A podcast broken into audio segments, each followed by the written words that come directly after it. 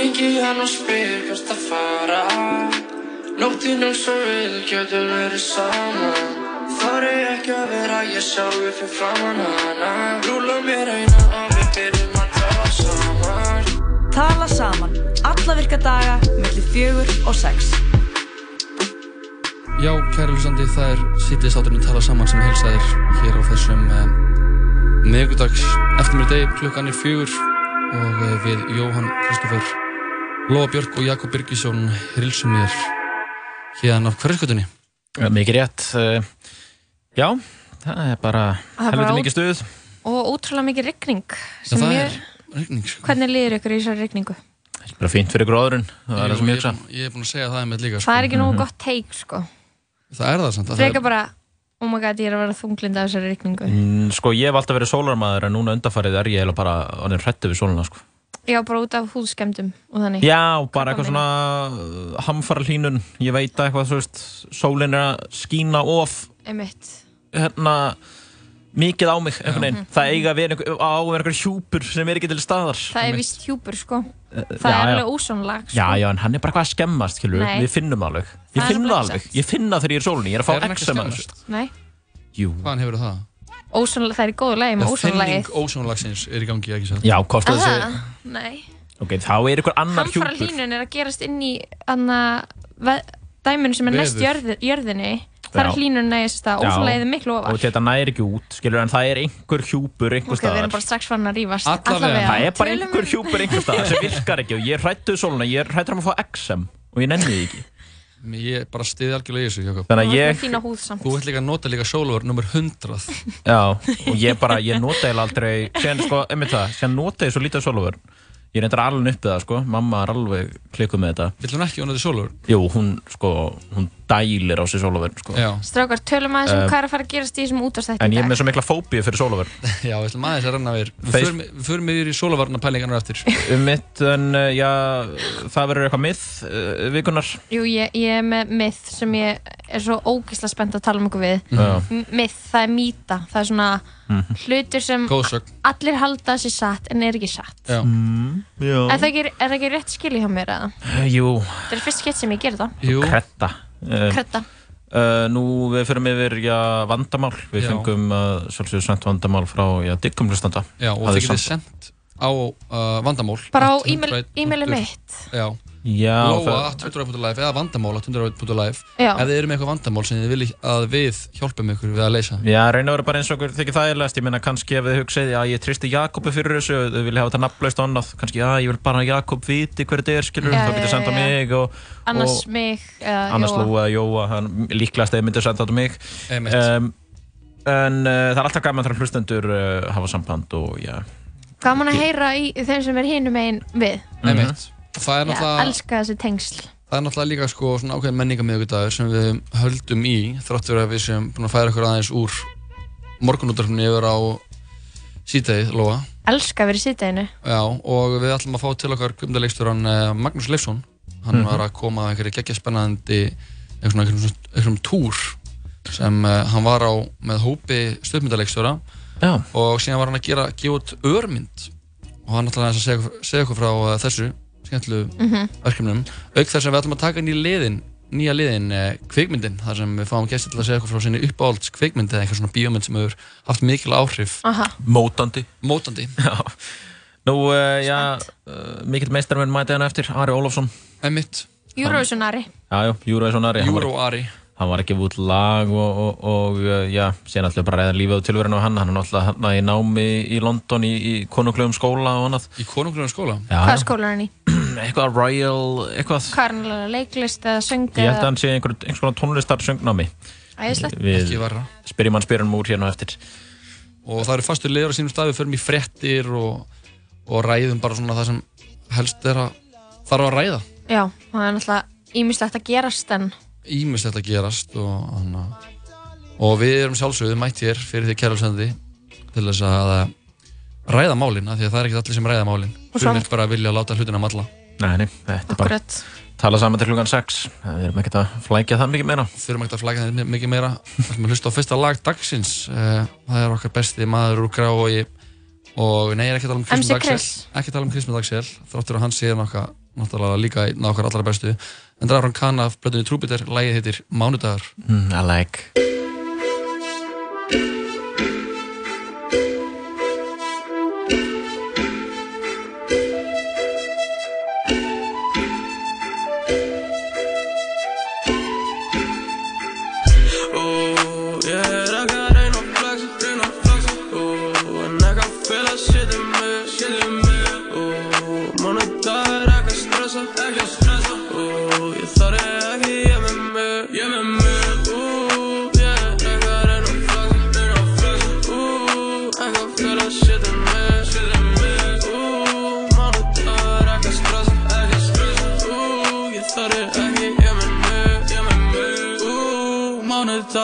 mánudagur ekki að stressa Ooh, kerir hratt og ekki að gasa Ooh, ekki test og ekki snerta Ooh, ég er að það, ég er að geta. Ég er á zigzag, allt og fucking ára Ég er að blika þig, trúbi, glas og trúbi, krakkar Ég er út í nótt, saman matar nema hana Ég er með bestu vinnum, ég gott dofa bestu hana Byðja endalaust um mig Vilja sjá okkur að seipa tryggja menn Nei, ekki einu sinni snerta Ú, ég er ekki að reyna að flexa wow. Ú, ég er ekki að reyna að flexa, reyna að flexa Ú, en ekki að fela shit í mig, shit í mig Ú, mánudag er ekki að stressa, ekki að stressa Ú, ég þarf ekki, ég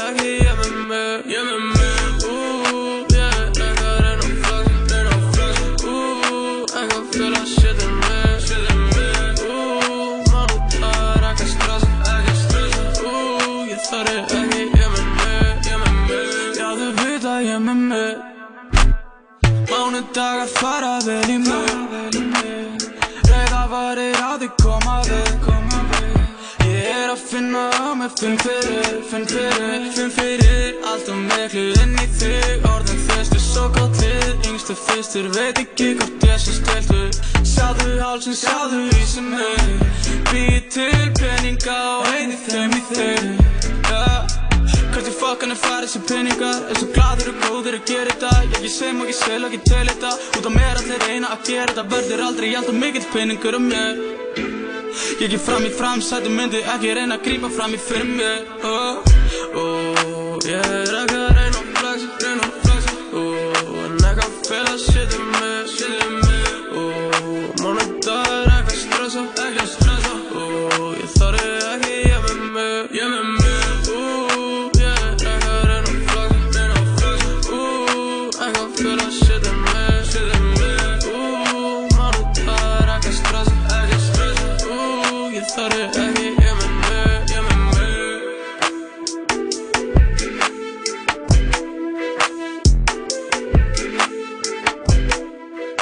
var lægið Mánudagar með honum Arun Kahn, þú ert að hlusta á City Sátum tala saman með uh, Jakobi, Lóu og Jóa hér á útarfundur Það er klukkuna vantar 8 mínútur yfir fjögur. Uh, Já. Og það er 50 dagur, ekki mánudagur. Já, það er, Það er samt alveg mánudags viður. já, er, það er miðvíkudagur, það er ekki fimmtudagur? Ó, Já, það er vist miðvikudagur Ég er alveg fann að ruggla þessu hvernig annað en skiptir þetta einhver máli, skilur við, svona ef við erum alveg aldrei hinskilin hvaða dagur er. Nei, við degjum hvað sem er öll En með að það er rigning á Íslandi þá bara vera að slá okkur hitamett í Evrópu. Já, það er samt sko 45,9 gráður í Fraklandi. Hitamett í Fraklandi. Oh Félagi minn er að vinna á Spáni sko, allt í hennu bara hagglél þar Aha, Spáni. Já, hann er bara einhverju borg á Spáni, allt í hennu hagglél Þú veist, þetta er náttúrulega ekki eðlilegt sko nei, Sér hitabilgja og síðan bara Haglél. uh, Sér Einmitt. Þessi hamfara línun Þetta er hamfarhlínunin sem að Mér finnst að við ættum að ræða þessa hamfarhlínun meira hérna svona í náinn framtíðu Finnst þið það? Já, Finnst þið ekki líka bara, hvað, maður verður náttúrulega bara rosalega þunglindir að því, maður pælar rosalega mikið í þessu. já, ég meina, verða maður ekki þunglindur ef maður pælir mjög mikið í einhverju það? Ekki, uh, ekki maður pælar rosalega mikið bara í húðum, heyrðu. Jú, Er það ekki? þú verður mjög þunglindur á því að ég Ég held að það sé líka alveg frá mjög Þú ert alltaf með húð á heilanum Já, ég veit það. Það er eitthvað svona sem að loði við þig og, og, Mhm. og, og marga við þínu vinum Ég hef heyrt að ef maður fær bólu Já, þá maður setja tannkrem á hana það er bara, held ég, ekki satt, sko. Nei, En ég ef þú fær ég hef brennt mig á þessu sko Ef þú fær bólu áttu ekki snert hana. það er satt, bara ekki Ég- koma við hana Ég hef heyrt að þú-. Nei, engan Þú, maður á bara ekki að nota of mikið af húðvörum sko. það er reglan held ég það er ekkert gott fyrir húðuna að vera alltaf að setja ykkur húðvörur á sig sko. Við búum samt í svo ógæslega þurru lofti að við þurfum að setja okkur rakakrem. Ég getur sett rakakrem af og til ef að þú ert með þurra húð. Herru, þannig að eru þið búin að sjá gjörningin hann að báru? já ég sá Það er það sem er í gangi núna. Þetta er hérna öryrkja gjörningurinn Já, hann heitir Invalid, skastur öryrki og er e, búin að standa yfir síðan á sunnudag í listastofni við Ringbraut 119 í Reykjavík Það vita kannski ekki margir en það er náttúrulega Friends hátíð í gangi í Reykjavík Heyrðu, það er sem sagt Það er fringe. Þetta er svona uppistaðan sviðslista dæmi eitthvað Já, já Eru þið búin að kíkja eitthvað á þetta? uh, Já, ég sá bara uh, ég sá bara uh, einhvern, einhvern uh, það var einhver Kanadamaður eða eitthvað ég sá hann mm. auðlistan mm. síðan sá ég bara Hugleik Dagsson auðlistan sko Einmitt, hann er hann á Secret Cellar það er svona frekar mikið af einmitt uppistandi svo er gjörningurinn hann að báru og í rauninni alls konar sýningar og þetta er bara heil vika af þessu. Friends hátíð er svona jaðarsviðslistir en uh, ég er annars ekkert búin að sjá neitt svaklega mikið um þetta sko, þetta er kannski Þetta er alveg búið að fljúa fram hjá mér sko. Já, ég held að sé ég held að sé svona náttúrulega allir sem er að taka þátt og þeir sem eru í kringum þá vita af þessu sem er svona þannig Já, þetta hátíð sko veit ég hvað við Já. svona ekki það vel auglýst Bara einhvern eins og einhver er að fara til útlanda þá veit Já, nei, annaðan og eitt af þessum í kringum hann nei Mm. að þú veist Allir að, hinn eru bara, hvað, ert þú úti núna? að ég held að Ertu erlendis? En ég, svona, það var ekki nú þeirra að miskila mig viljandi En það er samt, Típist. uh, hún er að loka sig inni hann í einhverju herbyggi og það er í beinn útsendingum Já, Hún er svolítið að varpa ljósi á lífi örkjans eða hvernig það getur verið, eða ekki? jú, hún, hún alltaf kom til okkar í Músli hún var í fyrir, músti fyrir ábyrg svona tvei mánuðum eða eitthvað. Já, kynnti þetta. Þegar verkefni fekk aðna, fullt af funding eða fullt af peningum á ekki fullt af peningum, hvað er að segja það er að kláraði skilur markmiðið í Karolína fund. Já, þá kom hún og var að segja hvað hann ætla að gera. Og hún, hún er basically að livestreama sér Já, hvernig líf örgjans er já, af því að hún talar um að, talaði um í þættinum hjá okkur að uh, það er alltaf verið að svona kommenta á hvernig öryrkjar haga sér og hvernig þeir eiga að haga sér og fyrst að þeir get ekki gert þetta eru það ekki á full hæfur um að gera hitt og Já fólk er með á heilanum að, að örkjar sé að svindla á kerrunum að það Margir er hverju eru með á heilanum. En hún, að, hún, hún með þessu verki vil hún sína bara hvernig svona þú veist, 95% af hennar lífi er. Já. hún er einhver 5% er hún annað áturnabát skellir sér okkur bar Mhm. reksar á einhver hópa einhverjum að fullum alkálustum já, einhverjum, svona mönnum með eitthvað svona djúb stæð vandamál. Bara virkir alkar já, og, og síðan einhvern veginn verður hún fyrir svona miklu aðkast eftir það og þetta er búið að vera bara endalust áreiti og vesen fyrir hana já, En þetta eru sko, þetta eru sömu típunar, típunar sem að svona pyrra sig á öryrkjum, sko, þetta er sama fólki og svona, ef með á heilanum að innfluttur veganmatur sé ótrúlega mingandi. Hann sé bara Er miklu meira mingandi kjöt. er þetta bara samið hópur Þetta er sami, þetta er sami hópurinn. Hópurinn sem segir að öryrkjar sé að svindla á kerfinu, bara markvist. Og að innfluttur veganmatur sé bara miklu meira mingandi en íslenskt kjöt. Emitt. já, þetta er svona sama það eru og þetta er líka sami hópur að heldur að strætó tómur strætó mengi meira heldur en bílar Já. með öll saman fólki Þetta er allt sami hópur. Já, þetta er það sko. Já. Hvað kallar maður hennar? og, og, jói, þetta er sami hópur og þannig að Alltaf að koma að það. nei, ég er, ég er að segja að þú veistu auka skilgrinninguna á þessum hóp. Já, það er bara mjög mikið sem þessu hópur. Fílar Hann kýsa ákveðna að- stjórnmálaflokka framvegis heldur og að er- Pepsi Max sé hollur alternativ við gós Já, Pepsi Max sé holl og En ég borða- meina heldur það einhver í alvörinu? borða já, mikið af þess, nöggum fólk í þessum líka. hóp. Elskar nagga. Það veist, Pepsi Max er náttúrulega bara langt í frá að vera holt þó það sé gott. Já, ég veit það, en þessi hópur þetta er, þetta er allt fólk í sama hópnum sem heldur þetta allt Við við þurfum bara að hafa eitthvað næringafræði hérna. Við veitum svona viðtækur miskilningur hjá fólki að halda að Pepsi Max. Það er kannski Er kosturinn. þú ekki um uh, næringafræðingu? Getur þú sagt okkur Ég er í lagi að vera vegan. Eru naggar óallir? En uh, ég held að að þrjusa þessu okkur í- eitt laga því að síðan eru að koma tilbaka en eftir smá með miðvíkudagsmítuna já, þá til því að það er myth vikudagur. Miðvíkudagur, þetta var einhver sem einhver kom með og ég mun aldrei fyrirgefa þetta orðagrín mm. af því að þetta er Ég elski það. Já, þetta er uppáhalds orðin Nei, ég elsk skólagrein, ég þakkir fyrir því. Ég er með mítu fyrir ykkur strákar. Hún var að samskipti kynina Nei, hún var að, já, hún var að kynin Vá, wow, ég get ekki beðið. Ég, ég ætla að kenna ykkur eitthvað. Gæðið, við ætlum að hlusta eitt lagin af plöðinu Mador með honum Birni. Lagið heitir Glemdu því og er ásamt honum Bleach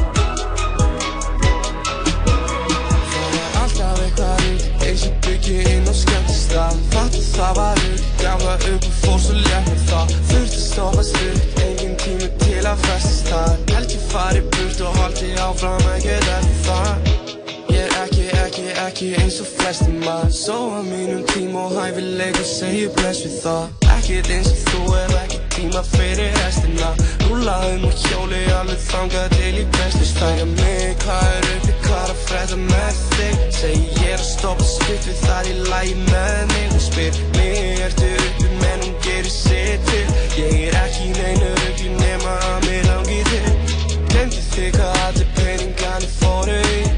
Glemdi þig að ég ætli að stressa mig við því. Glemdi þig, glemdi þig,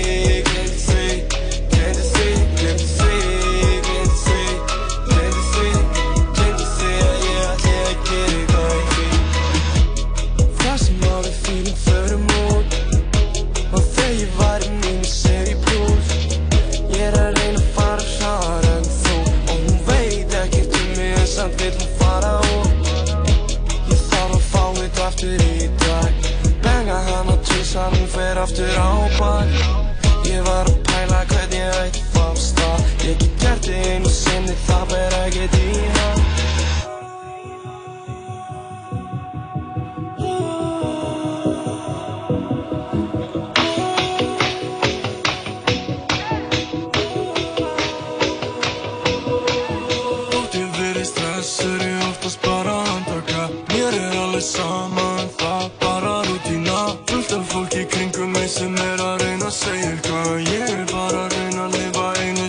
hvað með það Ég fyrir frá null í hundra, ég er að gera eitthvað Alltaf hratt, ég er að hugsa alltaf mikið Klukka margt, klukka margt Ég finn yngar sem að fara strax á stað. Sem þeir segja ég sé viðkvæmur en ég er alltaf nátt Hvað með það, já, hvað með það? Glemdu því að ég ætti að stressa mig í þig Það var alltaf eitthvað Bygg, bygg, bygg Það var upp, upp, upp, upp Já, já, það var hann. Birnir og Bleach, lagið Glemdu því að plöðinu Mador Þú ert alveg svo að sýtist áttinn að tala saman þar klukkuna vattar 80 myndir yfir fjör Við erum hérna með Jóhann Kristófur Lóa Björk og Jakob Birgisson. Það er miðvíkudagur eða miðvíkudagur eða miðvíkudagur eins og einhver sagði. Af hverju sagði hann það, Lóa? Af því að á miðvíkudagum þá tökum við fyrir einhverja mýtu og leiritum hana. Einmitt. Mm. Og, Eru eh, spenntir að vita hvað mýtu ég er að fara Já, þú ert með mítuna Já, ég er, fara, ég er með mýtu sem að um, Ég get ekki beðið. sem að, þú veist, þetta er kannski eitthvað sem þið veit ekki, jáfnvel mm -hmm. Ok, það er samt mjög ólíklegt að því ég er margfróður maður. Mm. og það, ég getur betur því ég verði MH Já, ummitt Jón Kristófur vann getur betur, það er ekki ekki sem vita það. Vita það ekki margir Ok, ekki alveg satt Þú kannski horfðir eins og getur betur Já, og, og horfði já, ég horfði alveg á heila keppni. Mér skemmtir betur skemmtilegt, sko Mhm. En þegar ég kom skoðun, með take Mér finnst það samt uh, vera leiðilega og leiðilega með ári hverju sko. Mm. Það vera lélæra og lélæra spurningar og allt eitthvað svona Mm. sína eitthvað anakonda myndband í tværi mínútur og síðan kemur spurning sem tengist því ekki neitt ég er honum leiðir á því ég vil bara Já. hafa alvöru góðar spurningar eins og voru í gamla daga Já, bara svona alvöru, bara eitthvað svona þurft og landafræði og stjórnmál og eitthvað þannig Já, en, en ekki hvað, þetta fólk er að æfa sig getur betur, þetta á ekki að vera eins og einhver hérna, Þetta á að vera heima Þetta var ekki eins og Nei. eitthvað pub quiz Nei. ymmit Þetta er ekki bara Haraldur Ari á Bravo sko. ég vil bara hafa ég vil bara hafa þunga þetta spurningar. Family Guy pub quiz í kvöld. Já, ég vil bara sé, sé spurt út í síslunar skilur Ok, ég er með, ég er með mítustrákar Já, ég til í þessa mýtu. Þannig að það er svona, Restaurant. þetta er algeng, hvað, restauranti, hvert segja? Æ, bara, það var ekki stemning. Hvað er með hana? Mýtan? Mm. Ok, mítan er að það halda það margir að konur að konur vilji ekki láta borga fyrir sig á stefnumótum. Já þetta, Það er mýtan Það er mýta. Að konur vilji ekki láta borga fyrir stefnumótum Já. Þannig að það sem er satt Er að er konur hún vilja láta borga fyrir sig á stefnumótum. Við það Já, einmitt, auðvitað. Þú vissir þetta sem sagt. Já Er það? Ég er ekki alveg viss um þetta sko. Ég held að einhvern veginn með sko, aukinni umræðu um, eh, um svona jafnrétti Mm. þá uh, sé það oft bara þannig að konur vilja frekar borga fyrir mennina á stefnum út. Er það? Já. Þekkið þið eitthvað sem að borg, þekkið eitthvað stelpur sem að borgar á stefnumótum fyrir gaur? Kannski bara Fara. Íslandingar yfir höfu á stefnumót þar sem þarf að borga? Mm. Eða pælið í því? Nei, þið fara Fyrsta bara á date. Family Guy pub, pub quiz. Já. Þeir, þeir heitast, heitast í happy hour og, og love. Já, svari stúi. Það er að stúi Nei, sko, ég Ég var, ég bara, ég vil helst að það sé borga fyrir mig Þú Ég- vilt láta borga fyrir þig. Sjálfsögðu.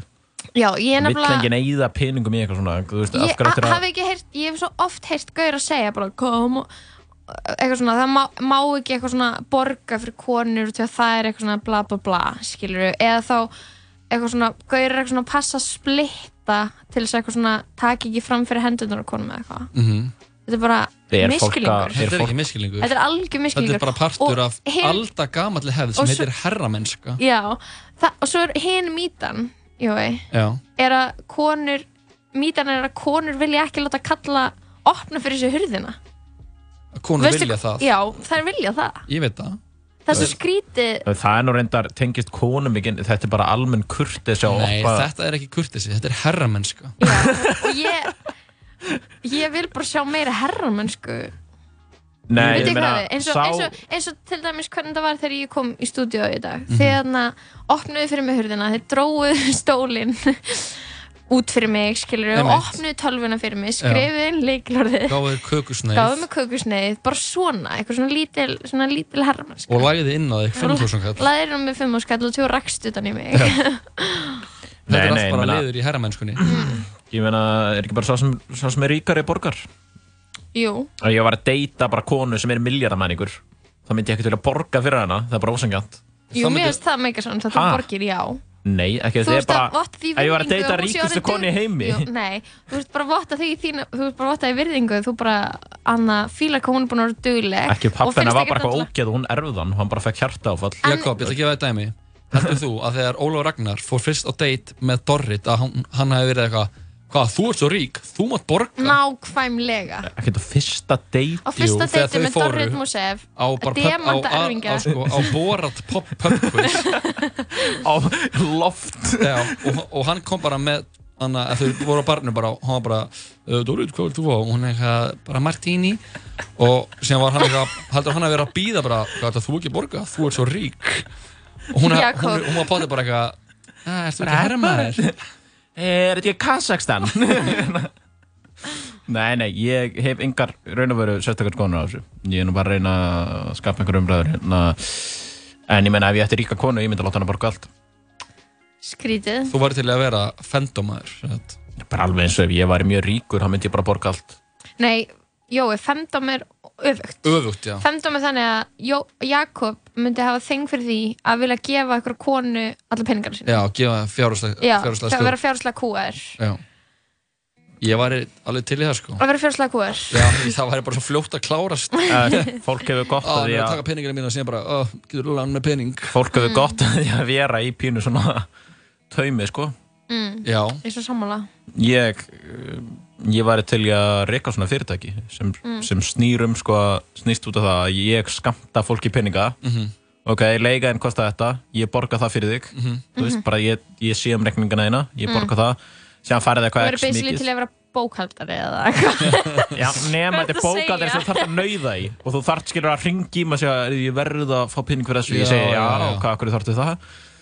Já, mér langar svo mikið Ég er svangur, ég er svangur. bara, Já, þú þarft það ekki núna Þú ert að fasta. ringdi á morgun frá tíu skall núna Pæli hvað þetta væri, þetta væri fín þjónusta fyrir Þetta marga verður eitthvað sem þú myndir vilja gera. Já, já, alveg eins, sko, ef, uh, ég gæti unni með það Já, mér finnst það reyndar alveg góð pæling sko. Já, en, En- hver var uh, botnin með þessum mítum hann að Botn, hvað, hvað var ég að segja? Já, Eða, þú veist mí- niðurstaðan? Mítunar, niðurstaðan í þessum mítum er bara að svona, svona feminísk orðræði er bara bú, búin að búa til og til að mikið okkur miskilingum Einmitt. sem ég er bara búin að taka á mig að leira þetta. Líka, sko fólk vil bara hafa fjárrakslegt öryggi þess vegna er það ekki að borga fyrir einhvern stefnumóti Hvað meinar þau? Það er að segja að fólk vilja hafa fjárhæslega öryggi Og það er svona vil, vil það ekki borga. Já, En þetta er svo lítill peningur. já, ég veit það Ef þú, Nei, menna, skiptir þetta einhverju máli eða? Er þetta, er eitthvað þú veist. Ég held að það skipt, skiptir nú alveg einhverju máli. Við erum að leita að einhverjum svona jafnvægi í þessum jafnbreytis umræðum þá Já, ég skiptir meina, þetta klálega máli sko. nú að þú konu til margra ára Mhm. það er ekki svo að þú borgir allt fyrir hana. Víst, Jú. Hver- Hvert einasta. Allt sem hún gerir, ég legg inn á hana fyrir ándið Nei, ég get ekki sagt það, ég get ekki verið að ljúa því en er það. ekki bara með sammeila fjárhaga það er ekki þannig Jú, herru, bara what's mine is yours en það er nú líka það, þegar fólki byrja saman þá er það bara að vera með sammeila fjárhag finnst þið það? já, Það finnst það ótrúlega undarlegt, sko. ha, það var bara að giftast og skilja síðan ef það ætlar að hætta saman Já, Lóa, nú er þú í sambandi þar sem þú borgar ekki neitt Nei, það er rétt. mm. og það er Það bara er mjög ekki rétt. það er svona nokkuð Hætti vel að rétt. ljúa upp á mig. Við, við erum að tala um þetta almennt, við erum ekki að tala um okkur persónulega líf hérna, Nei, við erum að tala um stærri myndina. Ég er með heilt podcast þar sem ég er að tala um lífið mitt, skilur Já. Já, hvað? Herru, þetta var mjög smítan Við komum inn aftur eftir smásund með vandamálið. En fyrst er það Shakira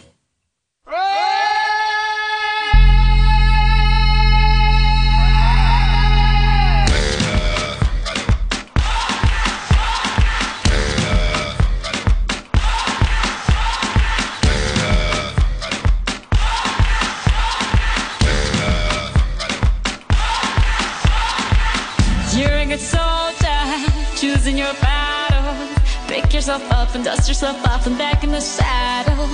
You're on the front line, everyone's watching. You know it's serious, we're getting closer, this isn't over. The pressure's on, you feel it, but you got it all. Believe it when you fall, get up, oh, oh, and if you fall, get up, eh, eh. Tamina, mina, sangalewa, cause this is Africa. Tamina, mina,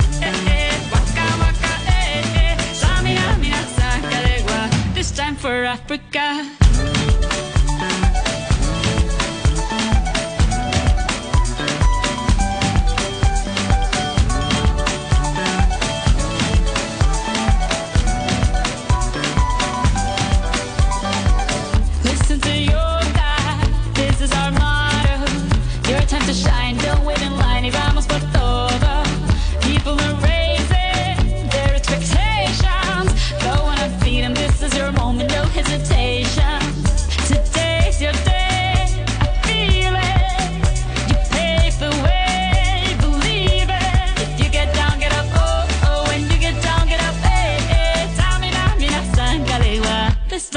Africa.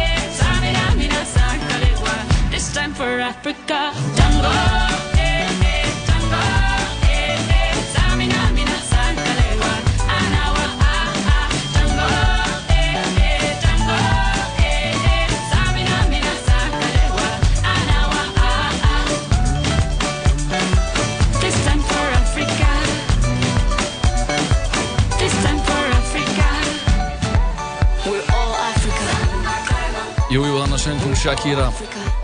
Á samt uh, Freshly Ground, þetta er lagið Waka Waka, This Time for Africa, þetta var lag HM, eða ekki, hvað, 2016? 86 2014 held ég að segja, tala um, já. Þetta Já, var það- óskar lag frá uh, Anna hlustanda sem hringdi inn og baði um þetta lag. Já, Og það er komin tíma á Afríku, eða? Ekki? Já, jú, þetta skipti fyrir Afríku. Komin Þetta er tíma This á- Time for Africa, ekki, þú veist, all the time. This time, ó, ég held að þetta væri It's time for Africa. Nei, Hafið- this time. Hafið farið til Afríku það? Já, ég fór til uh, Afríku, Suður Afríku, Mosambík og Svasílands Ég var 10 ára, var þar í tvo mánu Já. Já, Ég epíst verða að fara til Afríku, sko. Já, ég hef haft mikið nákvæð því sem ég var lítill. Mm Strákar, það komið að vandamálinu. Einmitt. Uh, Við vitum að það er flókið að vera manneska uh Já. Við, við Sumir- veitum það, manna best. Og sumir einhvern veginn vilja kannski fá hjálp við að einhvern veginn leysa úr vandamálunum sínum. Þannig að við erum að bjóða upp á það. Já, og það leysa var- vandamáli betni Það var tikkurast uh, hlustandi sem að senda inn vandamál. Já, og ég er með það hérna, ég er bara að leysa það. Já, fyrir ykkur. En áður en við byrjum á því þá getum við bent á að þið getið sendt á uh, vandamál 801.live eða Jakob eða Lóa eða Joey 801.live Já. ef þið erum með vandamál eða bara Instagram, fundið okkur á Instagram. Og eitthvað Og sjálfsögðu, sjálfsögðu bara nafnblind nafn, við lofum nafnlind sko. Nema því vilja nafnið sér tekið fram sem ég þið er með eitthvað blæti fyrir því Mm. og ég skal láta opinbara vandamál Sögðu nafnið mitt Hey please, please á ég leysa þetta eða? Er það?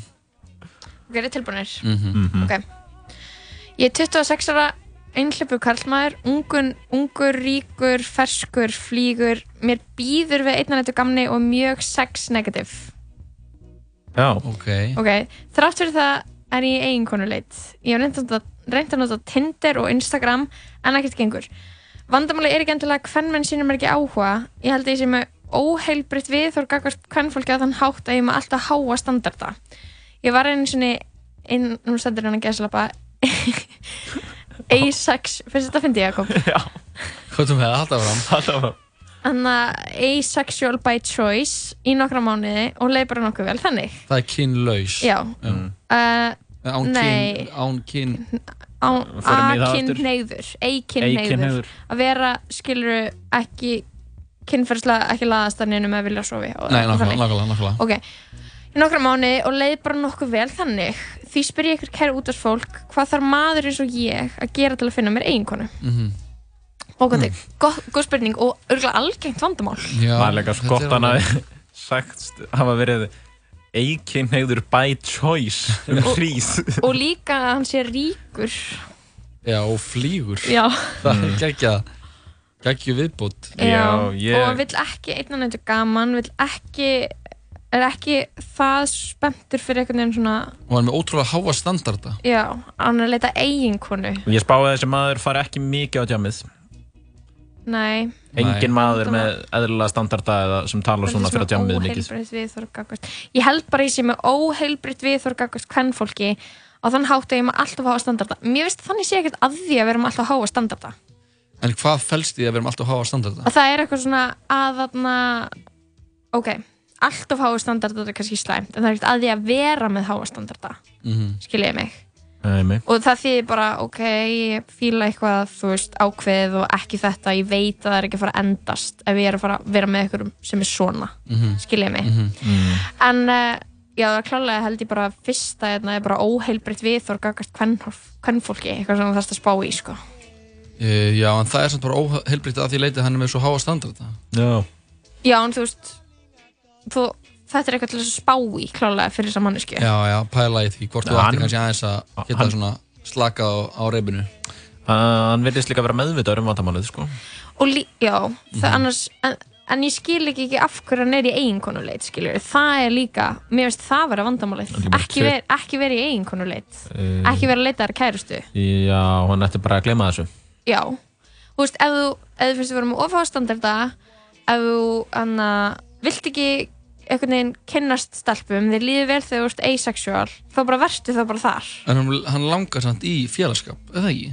Jú. Minnst að hljóma þannig eins og hann sé Mhm. á einhver svona vegferð. Hann er alltaf ánveg 26 ára þannig að hann er kannski ekkert mikið alltaf með vinnu sínum. það er engin aldur samt, skilur Það er samt þegar fólk eru 26 ára þá er nú oft svona fara að þrengja hann sig að. Já, þú þarf líka að íhuga að ef hann er að leita sér eiginkonu þá þurfa, þú veist, þá er líkamsklukka hvernig náttúrulega fyrra farin að Það er mýta líka. Að það mýta Þú veist alveg góð Þú, þú veist, ef þú Hámark ert að leita- þú frjósemi að er leita um 26 ára aldur Já, Er það ekki bara að- fyrir það? eða? Ekki bara um Ég 20 eða? Jú, eða það En strákar, þú veist, ef þú ert 26 ára þú ert alveg góð 10 ár inni Það er svona bara ferskur sko Það Alveg 10 ferskur. ár, það er 10 sinum 365 dagar, skilur við Já, já.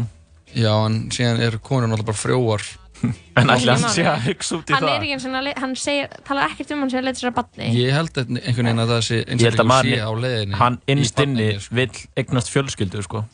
En það er líka þú bara spurning um bara hver eru úrræði fyrir til dæmis bara asexual fólk sem er En hann er ekki asexual. Jú, Hann var leið- það by choice Já, um tíma. hann leið mj- nokkuð vel þannig, skilur við. Það er bara spurning, hvar getur asexual fólk farið og fundið annað asexual fólk, veist. Á bókusafninu veist, það ætti að vera til eitthvað sem sér Tinder fyrir það. Já, en ég Bara held ég vil að... ekki, þú veist, ég vil ekki ríða, ég vil félagskap. Það er... Sko, Svo er náttúrulega til, Það er heldur til, sko, það er pottið til já, ekki á Íslandi. Held ég. vinatinder En ég meina, hann á vini þessi Vindar. gaurur, ögla. Mhm. Þannig En að hann hann er ekki að leita því, hann er að mjög- leita að eiginkonu. En hann er mjög sex negative, skilur við. Hann Já. er ekkert horny, skilur við. Jú. Hann er samt að leiða félag, er það ekki?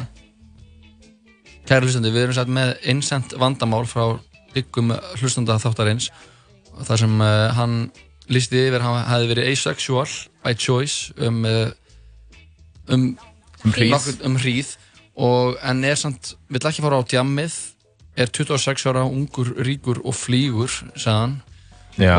Get, vill ekki nota Tinder nýja Instagram. Nei, En hann er ekkert asexual núna, sko. Hann var það bara, hann prófaði bara að vera svona, þú veist, að setja sig í þann gýr, sko. ja, hann er að leita að maka Hann, Mhm. sko, það sem ég held að hann ætti að gera er bara, chillaður, gleyma þessar humdaðins. Já, já. Vera bara ríkur og flýgur, skilur. Mm, mm. Fara bara, Mhm. taka göngutúr af og til, skilur.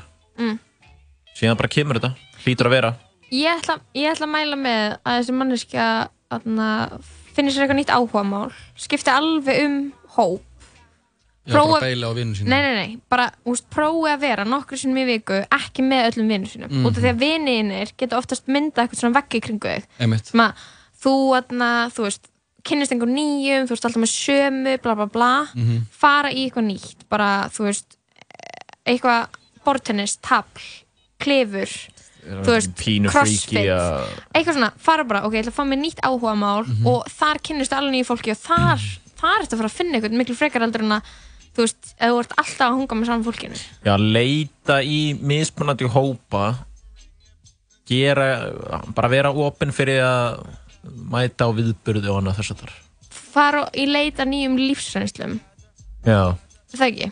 Ég held sko að þessi gæja ætti bara að fara í heimsreisu mm, bara einn með póka Æ, Já, nei Þetta bara, jú, pakka svona Bara Taka einn svona með poka. prigg Og Nei. svona tópaksklút Og pakka inn í hann Já. eins og Snoopy gerði Já.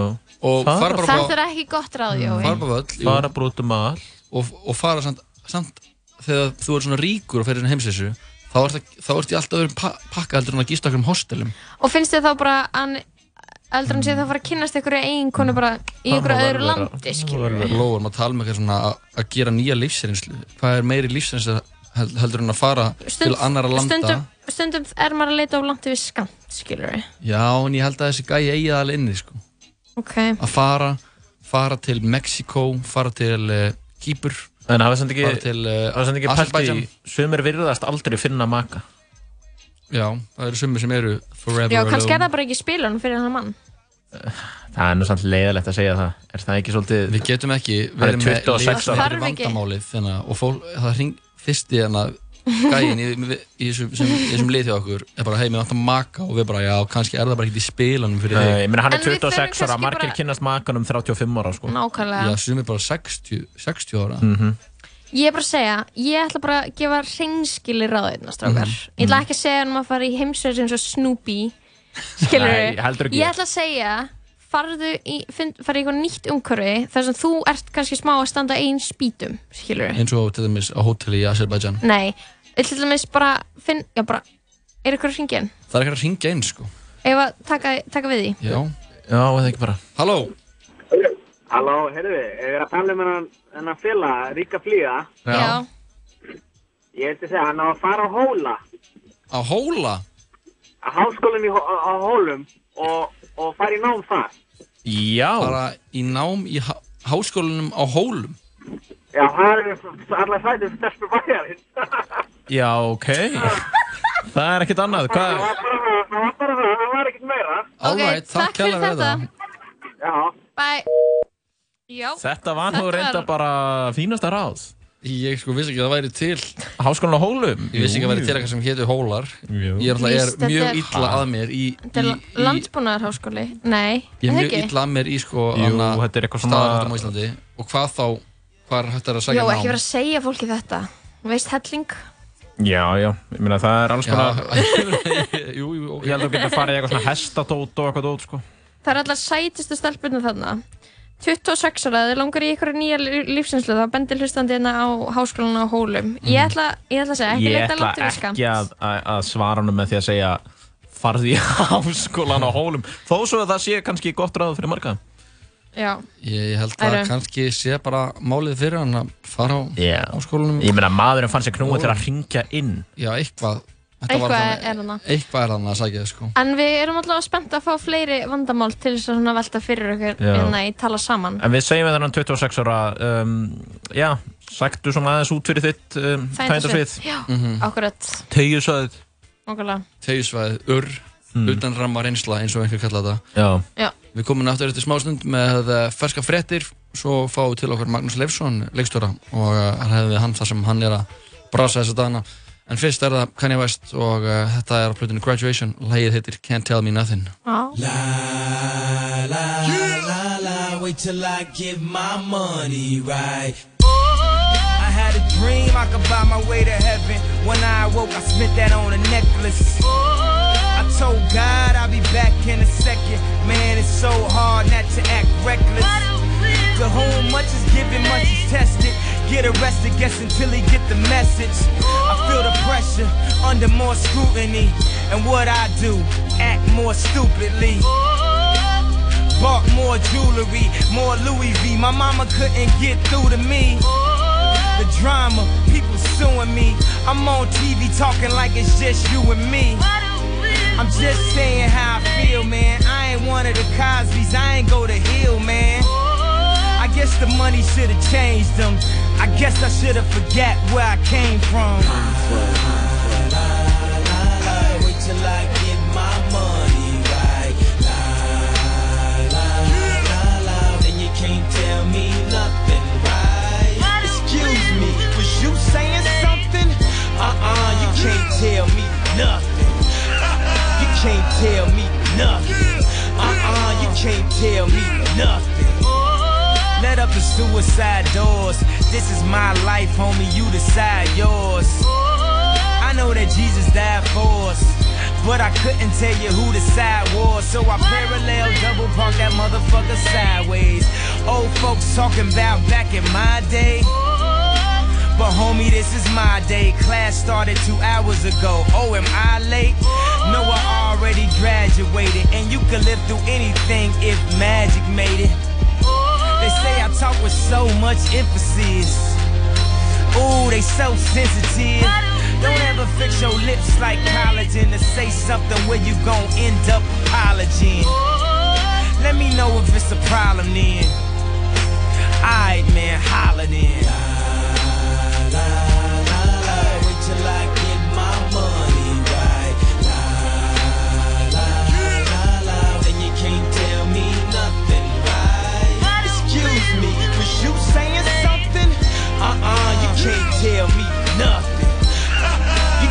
tell me nothing.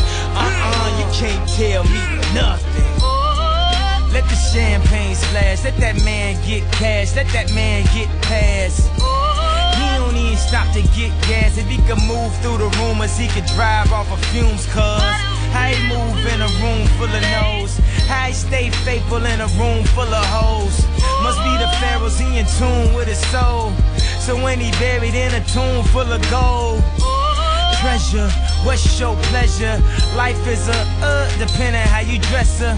So if the devil wear Prada, Adam, Eve wear nada, I'm in between, but way more fresher. But way less effort. Cause when you try hard, it's when you die hard. Your homies looking like why God when they reminisce over you, my God.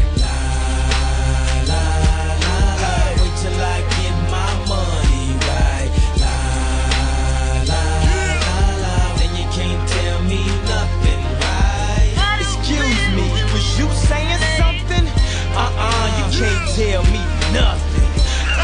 You can't tell me nothing. Uh-uh, you can't tell me nothing.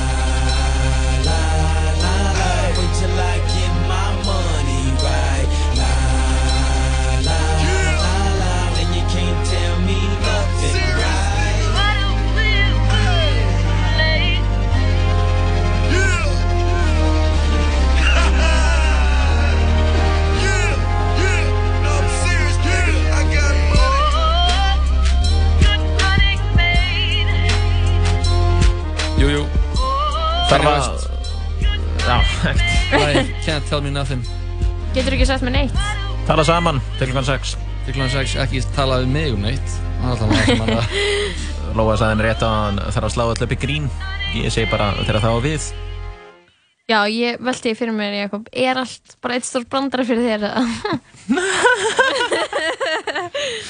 Langt í frá Við vorum inn að leysa vandamál fyrir 26 ára einhleipan Karlmann sem virðist ekki hafa mikinn áhuga á konum en vil samt ein konu. Ekkert spauðilegt við það til Já, dæmis. og það kviknaði þessi umræða að hvort að það væri svona almennt uh, þannig hjá fólki að fólki að- að að flestir allan að svona almennt séð vildu að væri til að eiga maka Vildu sem bara ótrúlega mikið skilirt til þess að hugsa hanni, skilirt til þess að vilja vera í svona, tvíp, svona sambúð með ykkurum Já. og deila lífinu Er með þetta ykkurum. feðraveldið sem orsakaði?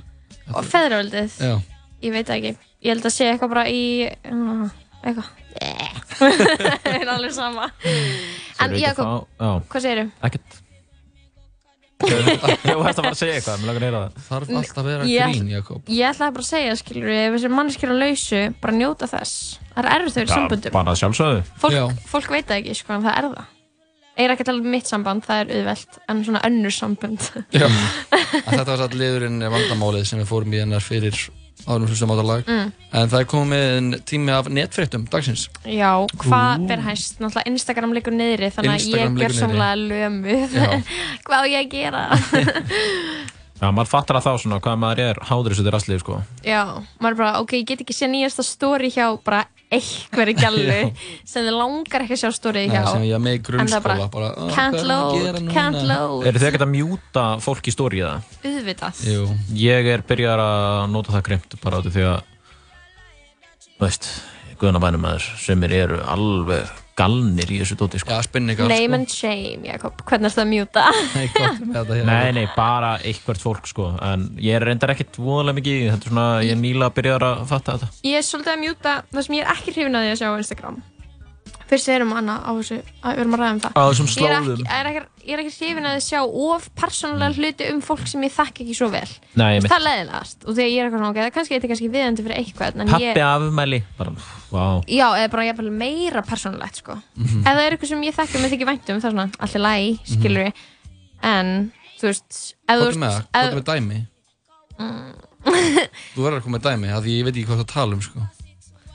bara eitthvað svona þegar fólk er uh, að deila einhverjum lífsreynslum eða einhverjum svona ótrúlega intimate skilur dæmi mm.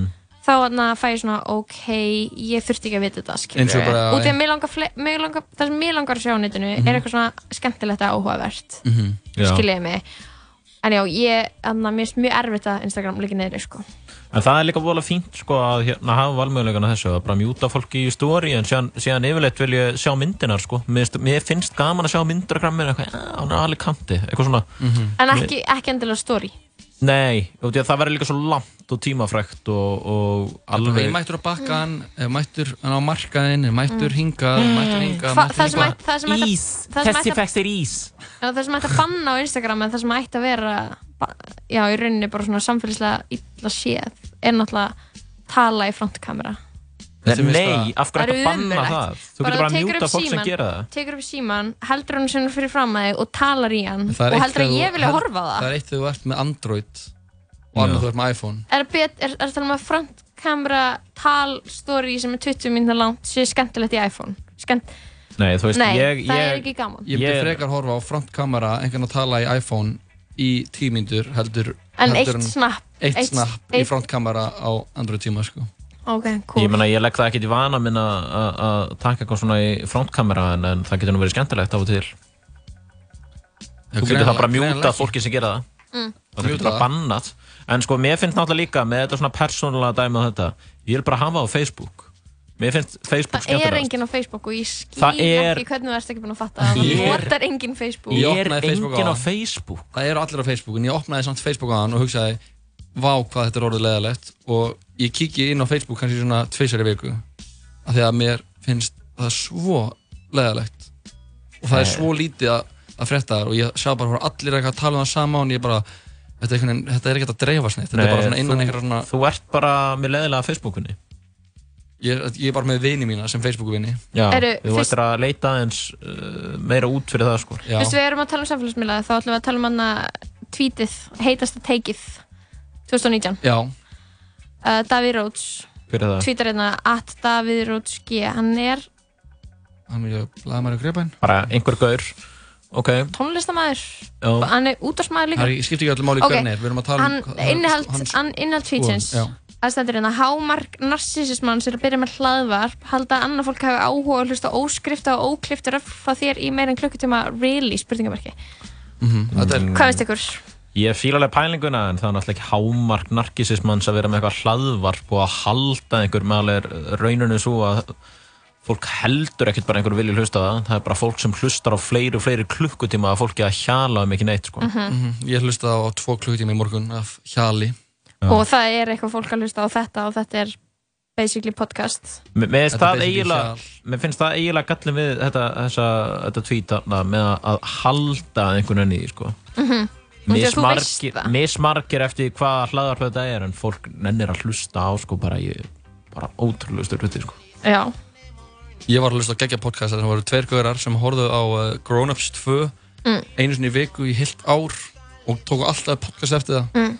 Það hétt The Worst Idea Ever tveir ástralir mm, og það er skemmtilegt það var ógíslega fyndið að þið voru ekki svona mörg svona stig af einhverju svona sorg og reyði og, og þannig að allar tilfinningar allar, allur skalin Grown Ups, tvö. Hvað myndi það? það er mynd frá uh, Happy Madison framlýstum fyrirtækinn hans Adam Sandler sem hann leikur í ásand Chris Rock og Gurnum og King of Queens og helliga leikurum Mm.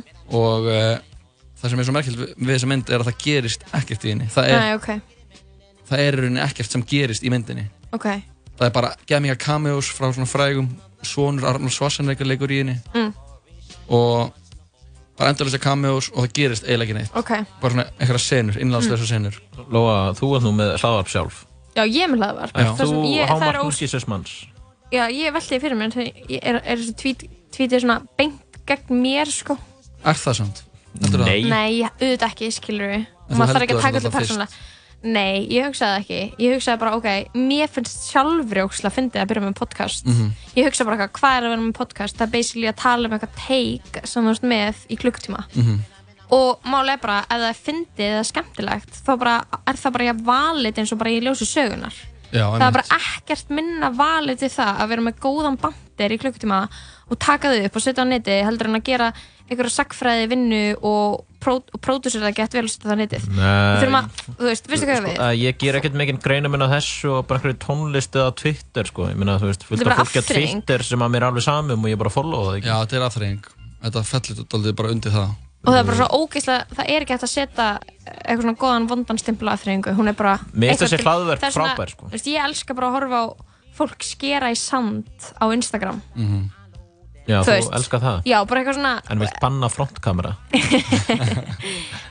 Nei, ég meina, ég myndi líka bara bera þetta saman við eh, hættu að muna allt sem ég segi Jakob og þú veist, segja það við mig aftur Ég man allt. En við tölum bara um raunveruleika sjónvarp. Er það ekki ég meina, Það myndi alltaf mikill narsismi þannig sé ég því líka að vera bara einhvern veginn að eh, svona sviðsitja sitt persónulega prívat líf og, og Mhm. broadcasta því fyrir allra augum. Það er bara svo skemmtilegt Já, það, Það er líka ekkert skemmtilegra en að horfa á Það. er, skiptir ekki máli hvað þú ert að horfa Ef það er skemmtilegt þá, það er bara skemmtilegt. þá er ekkert, ekkert mikið pointi að vera eitthvað svona að agnúast út í að einhverjum finnist það skemmtilegt. Þú ert rappari. Mhm. Rappari og þú sért bestur og svo fram með stundum. Emitt að það, jú, Þú er gert það. Já, ég hef bara fram hjá mér. Mm. Ég er rappað með þessi nummer tvö. Ég er nummer þrjú í dag. Ég Eftir strákunum mínum en, uh, Já, það er gaman svona þegar að ræða þessi mörgu mál internetsins. En, Já, eh, þetta eru margir margir Krókar. kimur Kem, ég er spennt að við eftir að, Instagram koma eftir inn og hætti að vera svona hætti að liggja svona niðri svo ég geti sé hvað ferskild frænka mín var að gera Mhm. í gær í sveitinni Já. í story. Já, þetta var að vera á Facebook Við sem hlutum þetta lag, Magnús Leifsson, leikstöru, kemur til okkur eftir öskumarstund, ekki var hann eitt. Þangar til að það Ósuna og Cardi B, þetta er lagið La Modelo.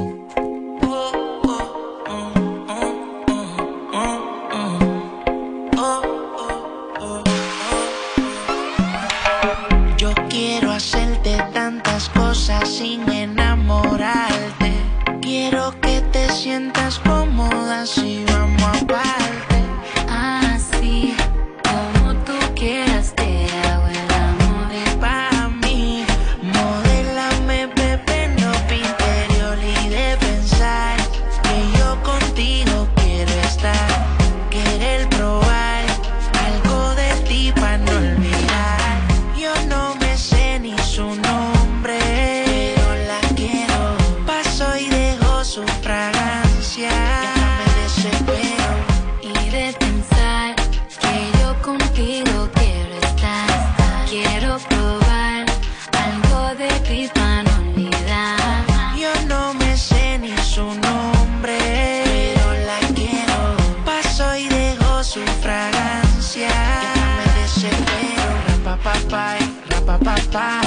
oh.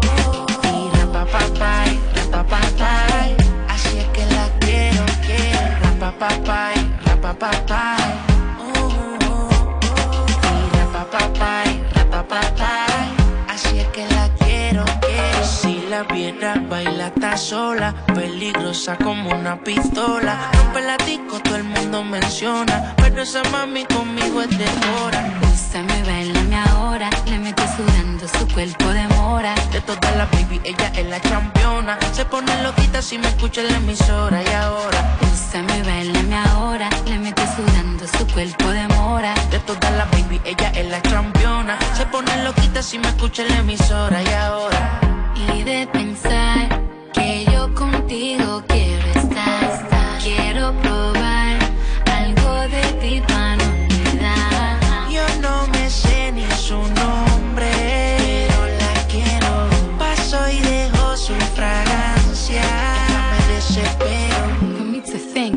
You are the one for me. Left your baby mom, now Cardi's your wife to be. Ex had me locked up, but you came to set me free. They say you're not my type, but you got my type to be. So answer this, can you hold me, can I trust you? Paddock on the wrist, both arms, that's what us do. Mansion on the hills, half half if you want to. But that's only if you want to. Ahora, le mete sudando su cuerpo. De todas las baby, ella es la. Se pone loquita si me escucha en la emisora y ahora. Úsame, bailame ahora, le mete sudando su cuerpo de mora. De todas las baby, ella es la campeona. Se pone loquita si me escucha en la emisora y ahora. Y de pensar que yo contigo quiero estar, querer probar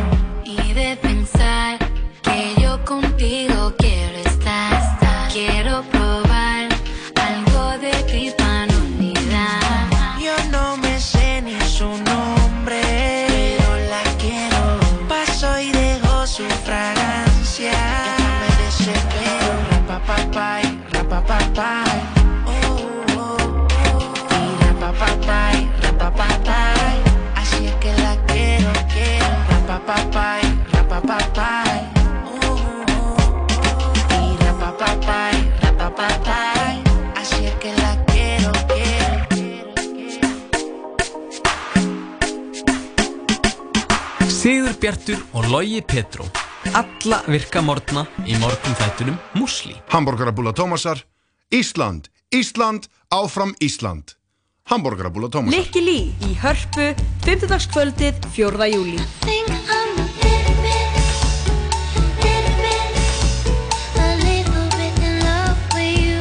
Origo og Bryggjan Brugghús Landsbankin kynni Stark chose you Eftir atbyrði Avengers Endgame þarf Spider-Man að stígu Are you going to step up or not? Til að takast á við nýjar ógnir I just really miss him Í heimi sem hefur breyst að eilífu I don't think Tony would have done what he did if he didn't know that you were going to be here after he was gone. Spider-Man Far From Home Frumsýn 3. júli Frýtt net á stælnum American style.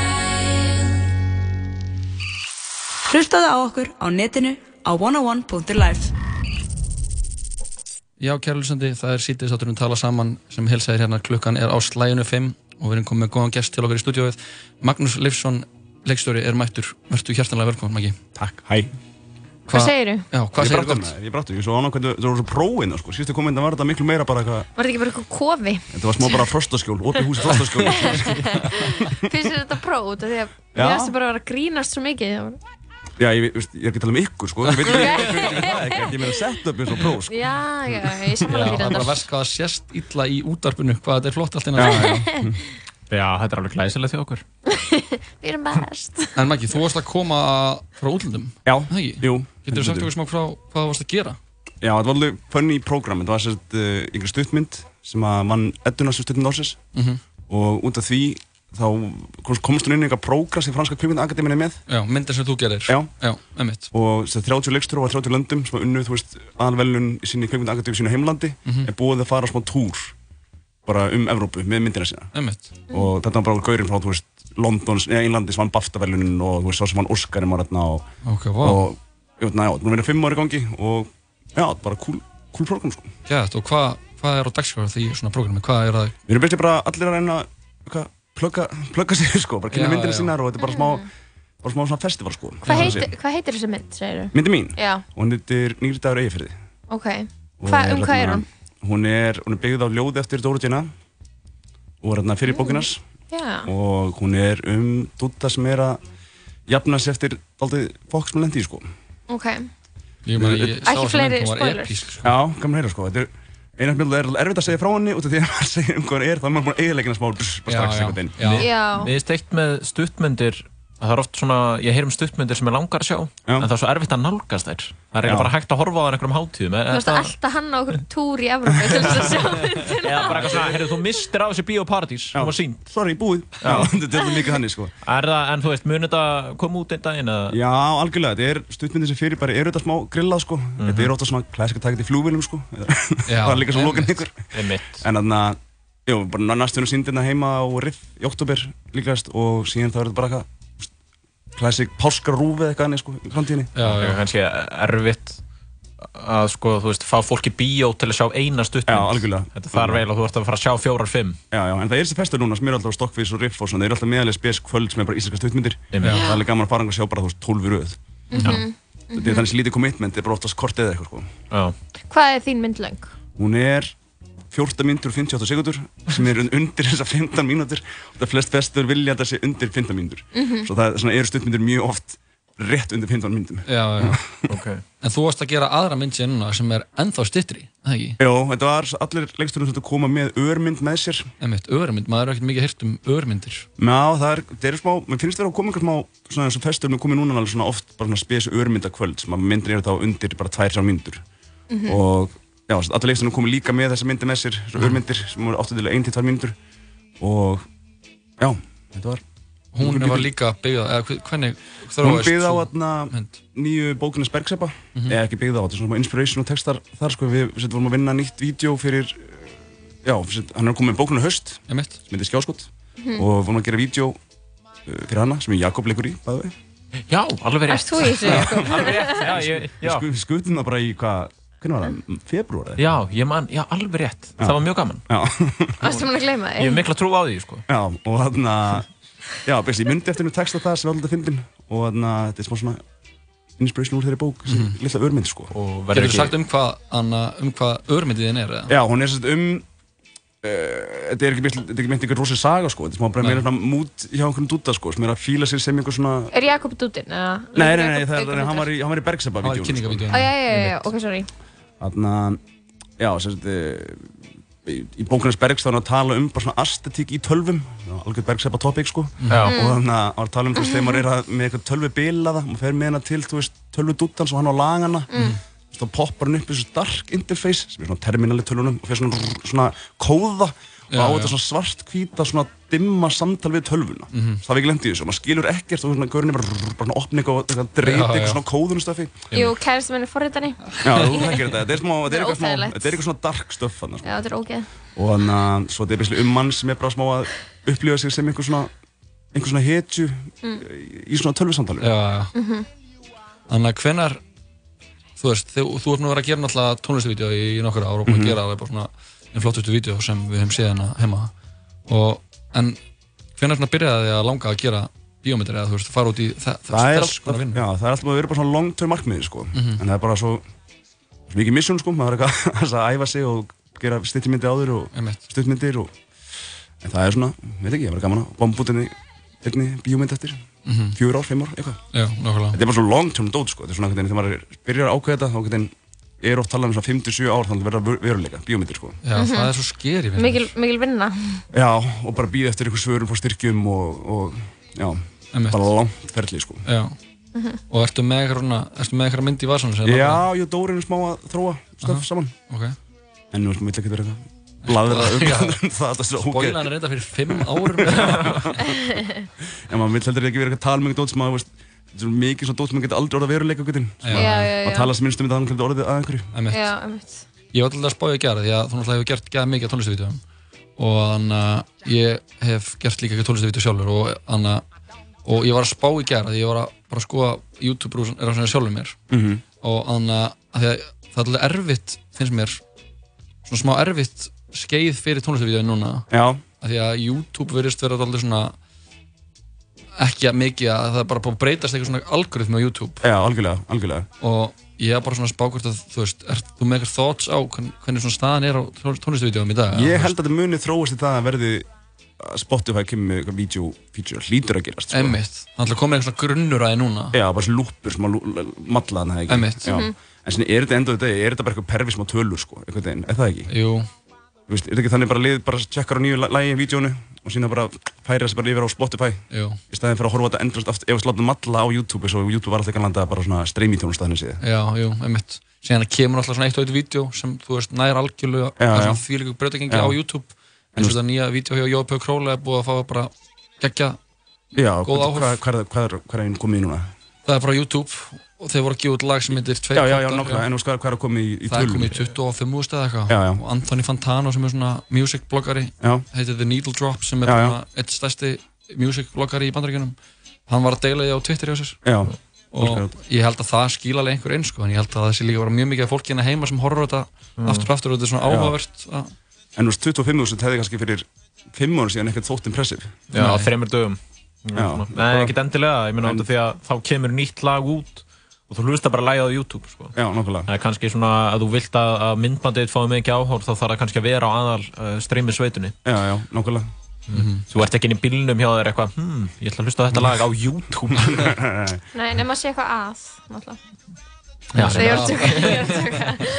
Það er eitthvað með það að gera. Ef ef þú veist að keira og horfa á vídeo, þá. Nei, veist, ég lendi þessu saman með bara sem artist sem ég unni með sem að kannski við fengum fullt af views bara á okkar fyrir vídjum sem gerðum mm Mhm. fyrir fimm ára síðan sem fáum ekki svipi views í dag þá er þessu mikið velta þessu upp úr einhver tölum sko. En það skiptir einhver þannig sem máli sko. Þetta er bara einhver pervismi á, á tölu sko. Einmitt. Já, einmitt, það er svolítið þannig. En ég held að þetta er neglið lag og síðan ætlum að fara í nýjan lið sem við erum með sem heitir Kvikmyndin. Þar sem uh, við ætlum að fræðast um uppbólsmyndina smaka leifs En fyrst eitt lag, þetta er Lil Baby og Gunna ásamt til Uzi Vert og lagið heitir Life Goes On. Cook that shit up, Quay.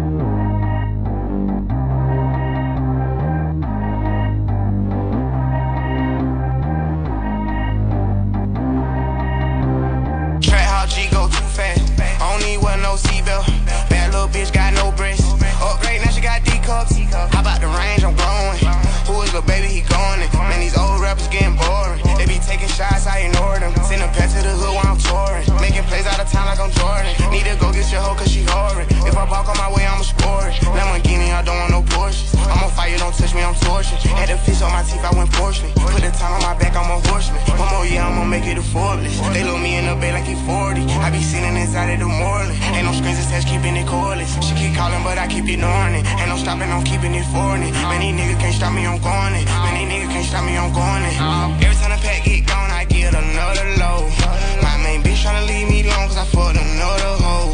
I'm like, baby, I know I'm wrong, but this just how life goes. And I know these niggas be happy if I let you roll. Got me walking on a thin line on my tippy toes. Man, that shit crazy, different city with some different hoes. Here we go. Every time the pack get gone, I get another low. My main bitch tryna leave me alone, cause I fucked another hoe.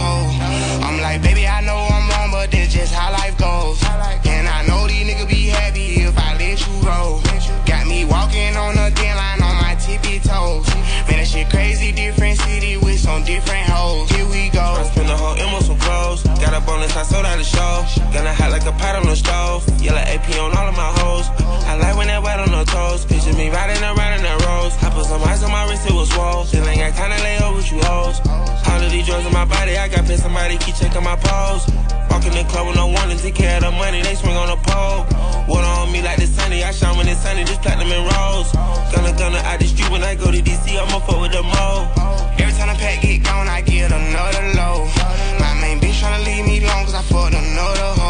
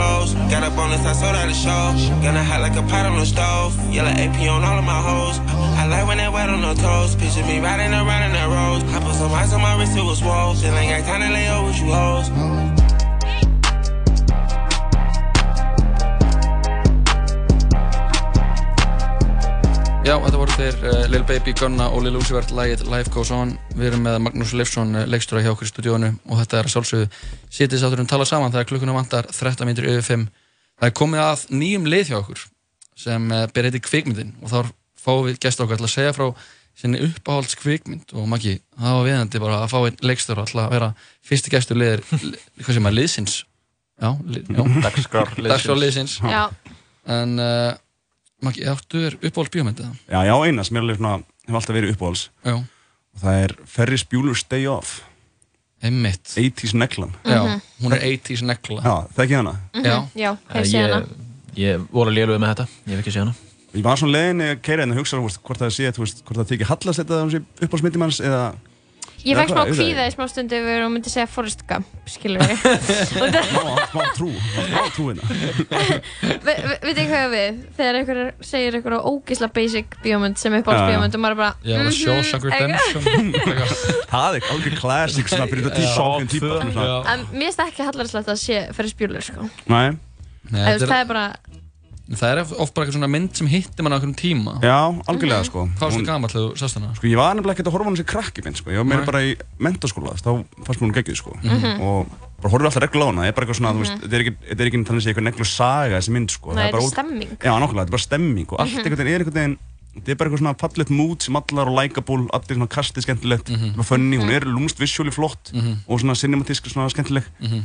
og já, bara eitthvað svona, þetta er mynd sem maður getur bara tjekkað á og, skrúð, sko. og skrúðgöngu atriðið. Já, Það er alveg grillað. já, þetta er svo mikið að grilluðu likeable stöffi sko Mhm. og lúmst funny að það sé eitthvað svona öskrandi haha funny sko Já, einmitt. En fyrir hlustundur okkar sem veit það kannski ekki og Jakob náttúrulega sem veit heldur ekki um hvað myndin er. Ekki hugmynd, bara að þetta sé Ertu 80s týndur? negla. Og fjallar Ferris Bueller bara um uh, Ferris Bueller sem skrópar í skólum í dag. Já, skrópar skólum í dag og er bara eitthvað að fokast sko og hann er svona eitthvað töffarinn í skólanum og svona svona skúlgörinn og þetta er um bara hans einhvern veginn activities yfir daginn og skólastörnir er svona smá að, að svona ná honum Mhm. og já, þetta er bara svona lítil ævindir sem þeir, hann og vinnans og kærist lendi í sko Einmitt. Það er að væplast. Svolítið mikið. Væplega, algjörð væplest sko Mhm. En hún kemur hún ekki út á svona, í sama sömu svona kringum sama leiti og Breakfast Club og það myndir, eða kemur, hún kemur aðeins senna Hún er 86 þessi Já, já, þetta er eitthvað svona í kringum eitthvað þegar unglingamyndin er að fæðast bara Já, já. Og leikstjórun er Uh, Hughes, hvað er það? John Hughes. Já, já, já. Já, sem gerir Hann- Breakfast Club. Já, já, já, já. og, Og, og Pretty in Pink og Pretty in 16 Pink. Cand- Candles og eitthvað þannig og Home Alone. Og Home Alone. Já. Já, ok. Þetta er bara þegar fimm, unglingamyndin er að vera til og unglingurinn sem ég er líka bara að vera til. Já, ógæslega fyndi katalógu líka Beethoven myndin með hundinum hennar. Með. Já, það var þessi græma sko. Býtu, var, hann- var þessi gauðra líkstir þessu öllu? Já. Já. Solid katalóg. Það líka hefur líka verið bara mikið geggjum þegar bara svona unglingurinn varð til. Já, já. Að það var bara svona krakki eða fullorinn og síðan bara einhvern veginn er bara fyrsti kynnslóðin sem bara, hei, þú mátt vera unglingur. Hvað er það? Bara svona eitthvað starf á milli og maður bara, ætt. Já, algjört millibils ástand. og svo bara festist maður í því eins og ég er bara ekki hægt að vera úlingur Eilífiðar unglingurinn Lóa. Skiljiði mig, eða þú veist Já, að geta einhvern veginn aldrei tekið annað svona almennilega horst í augu það að maður þarf að taka ábyrð á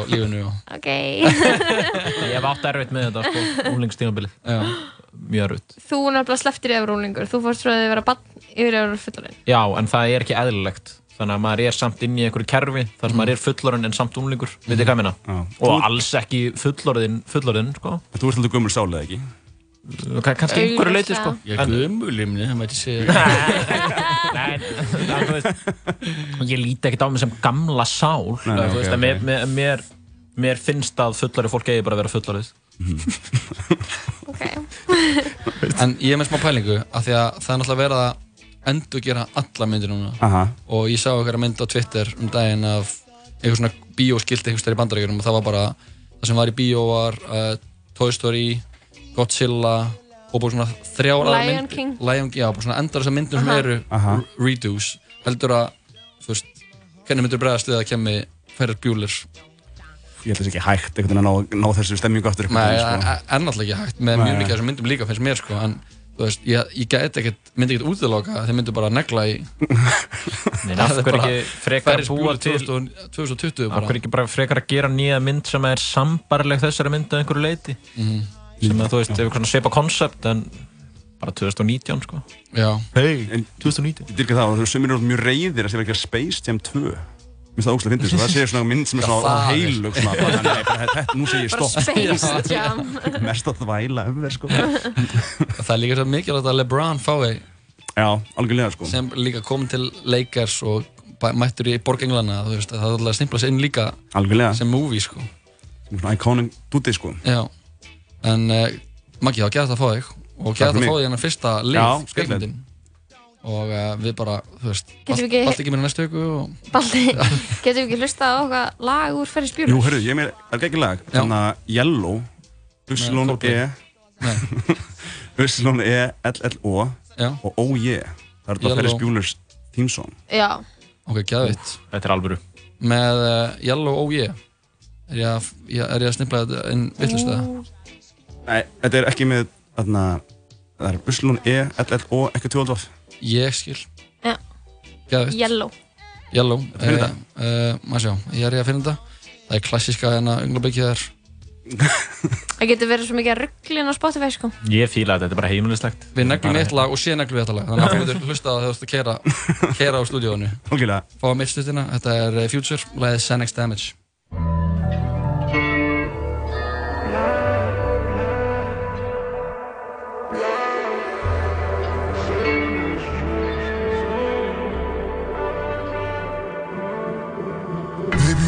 sun is out, it's like I'm not myself. Xanax done damage, make it nice so I can handle you. Baby, when the moon is out, I find myself. Xanny pills, then I feel my body starting to call you when I'm fading. Your arms around me, come and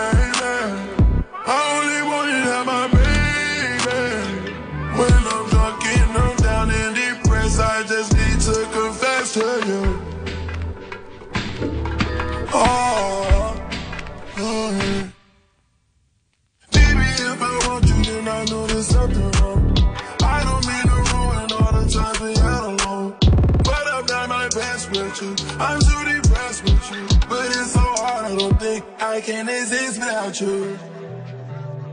I only got you in a frame, yeah. Your arms around me, come and save me. I only wanna have my baby. When I'm drunk and I'm down and depressed. I just need to confess, cause oh, oh. Baby, when the sun is up, it's like I'm not myself.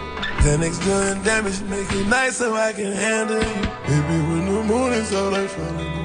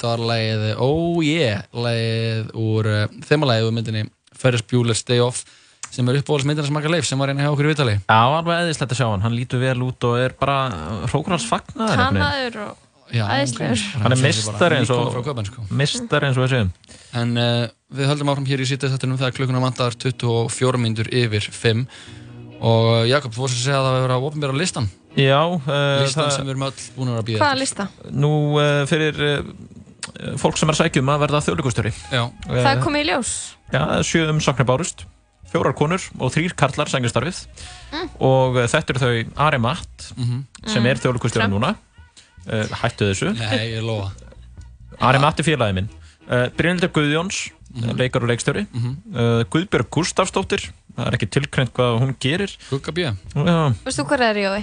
uh, Nei Ok.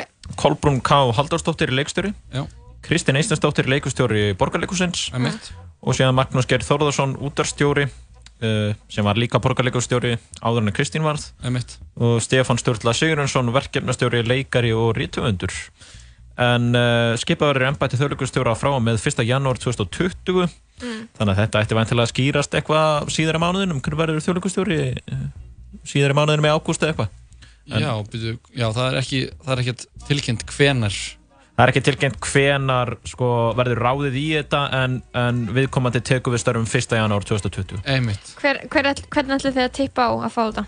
Uh, Mér finnst nú, nú voru líklegt að uh, Magnús Geir taki þetta bara svona út frá einhverju ferilskrá sko. Hann hefur náttúrulega leikstýrt tveimur leik, hérna, hann var Akureyri, Borgarleikusinu, útarstjóri að það er vola erfitt að segja nei við því svona í, í svona ferlum Já, hann er með LinkedIn síðu sem bara lætur tölvaðina krasa sko. En hins vegar er Kristín Eistæs, hún er alltaf búin að gera virkilega gott móti í borgarleikusinu Jú, vissulega og bara sil, búin að sigla því skipi frekar vel. Já. og síðan er líka fólk Flottar eins og síningar, skýrlistræn sín, Einmitt. getur verið að hún fái. og ég veit reyndar ekki hvað hann var að gera fyrir það var hann ekki bara leik, hérna, leikstjóri og Að fara undan? Já. Jú, hún var leikstjóri og síðan er náttúrulega síðan er líka, er. þú veist, til dæmis Bryndur Guðjóns Ég meina, hún er leikur og leikstjóri, ég meina, ef fólk vil fá eitthvað aðeins nýtt, eitthvað svo leiðis, ég veit það ekki, ef, ef að, Ari Matt var líka bara leikstjóri áður en hann tók við Já, sem og þjóðleikustjóri. framkvæmdastjóri og annað. framkvæmdastjóri þjóðleikusins Um, og hann er Já. MBA Já, ok. og ég meina, kannski heldur hann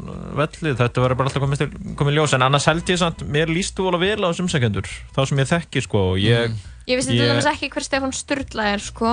Nei, og, og Guðbjörg og Kolbrún og eitthvað, en Ég held sko hann, eh, Stefán Sturla, ég held að hann, hann er leikari sko, ég held að hann hefði leikið hann að brjánsa síru í, eh, í Sótum að Reykjavík Já. sem það er alltaf aldrei verra að vera með Sótum að Reykjavík á, á félagsgráni, þú ert að sækja með eitthvað Nei, ég mitt. En ég verð nú að segja samt að ég er bara nokkuð ánæður, ánæður með þetta fólk sem er að segja um og ég held að, að, að fleiri, en einn- fleiri, fleiri tveir komið bara vel til greina. Mhm. En, Gæti eh, þið ímyndað ykkur að vera þjóðleikustjórar? Nei. ekki eins og staðan er í dag og Ég ég held að ég ekki almennt sé, ég sé almennt ekki svona, gerði fyrir svona starfa en þú Jón? Uh, nei, ég held ekki sko. Það væri samt pínu, pínu gaman ef þú værir. Það var alveg kongalegt sko. því að Ég bara- Fólk myndi alveg segja, nei, þjóðleikustjóri, Jóhann, já, hann er meistari. En hvað með alla vini þína, Lóa, sem sótum? Það var bara þeirra umsögnum bara að vísa frá. Já, ætli það ekki. Það var að sniðganga útskriftur að árgöngin 2018 var alltaf í. Já, það verðist vera. En, Ég held að það myndi bara gera þjóðleikur svona virkilega gott að fara að fá eitthvað nýjútskrifaðan sviðsöfund og leifa honum bara Leika lausum go hálf. off. Já. Já, já, ég reyndar alveg, alveg sammála því að, að við þurfum ekki að vera með þessa MBA, þetta MBA-blæti, sko, allir þurfa MBA-gráðu til að stýra einhverju uh, leikhúsi, ég meina það þarf nú bara listræna sín líka, sko. Og það þarf líka Eh, bara að vera gaman. Já, Hvað um, er leikhús, skilur við? Þannig að ég er volið Þetta spyrja okkur hvað Já, leikhús ég er bara að varpa þessar spurningu út í kosmosið. Hvað er leikhús? Uh, leikhús er, já, það er form, það er, það er list. Það er ekki? Mhm. Það er bara aukt svið Já, og einn maður gengur yfir það. en uh, Peter er Brooks. What's in a name? hver haldið þið að- að að fá starfið? Ég hef búin að segja, ég, ég vona, eða ég ætla að betta á Kristínu Eistens. Þú betur að hún fá það? Já. Ok, Ég ætla að segja hann Stefán Sturla fá það. ok. Og það er náttúrulega, ég held að það sé þannig að það er náttúrulega nýbúið að skipa nefnd Mhm. uh, sem að fer yfir þetta. Neglu sem máli í nefnd. Uh, já, og viðkomandi nefnd held ég að mæli með einhverjum umsækjendum uh, til menta og menningamálar á þeirra sem er er Lilja. Lilja D. Alfredsdóttir Já. Mhm. uh, sem er uh, varaformaður uh, framsvonarflokksins Mhm. og hún mun held ég bara hafa loka orðið um það og sama með útarstjóran sem að það það starf verður náttúrulega vantilega auglist ef að Magnús, ef til dæmis Magnús Geir fengi þetta starf, Já. þá þarf að koma nýr útarstjóri þá ræður hún því Mhm. líka undir lokin sko en ég tristi henni nú bara fyllilega til þess að uh, gera þetta faglega Já, þetta var þjóðleikús stjóra umræðan okkar hér í Tala Saman. Ari Ólafsson hér rétt handa við hotnið Já, en fyrst er það Ariana Grandi. Right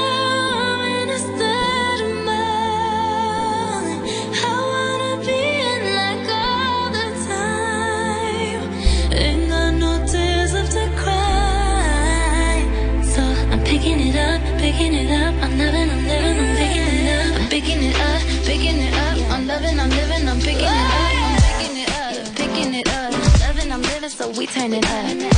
Yeah, we turning it up.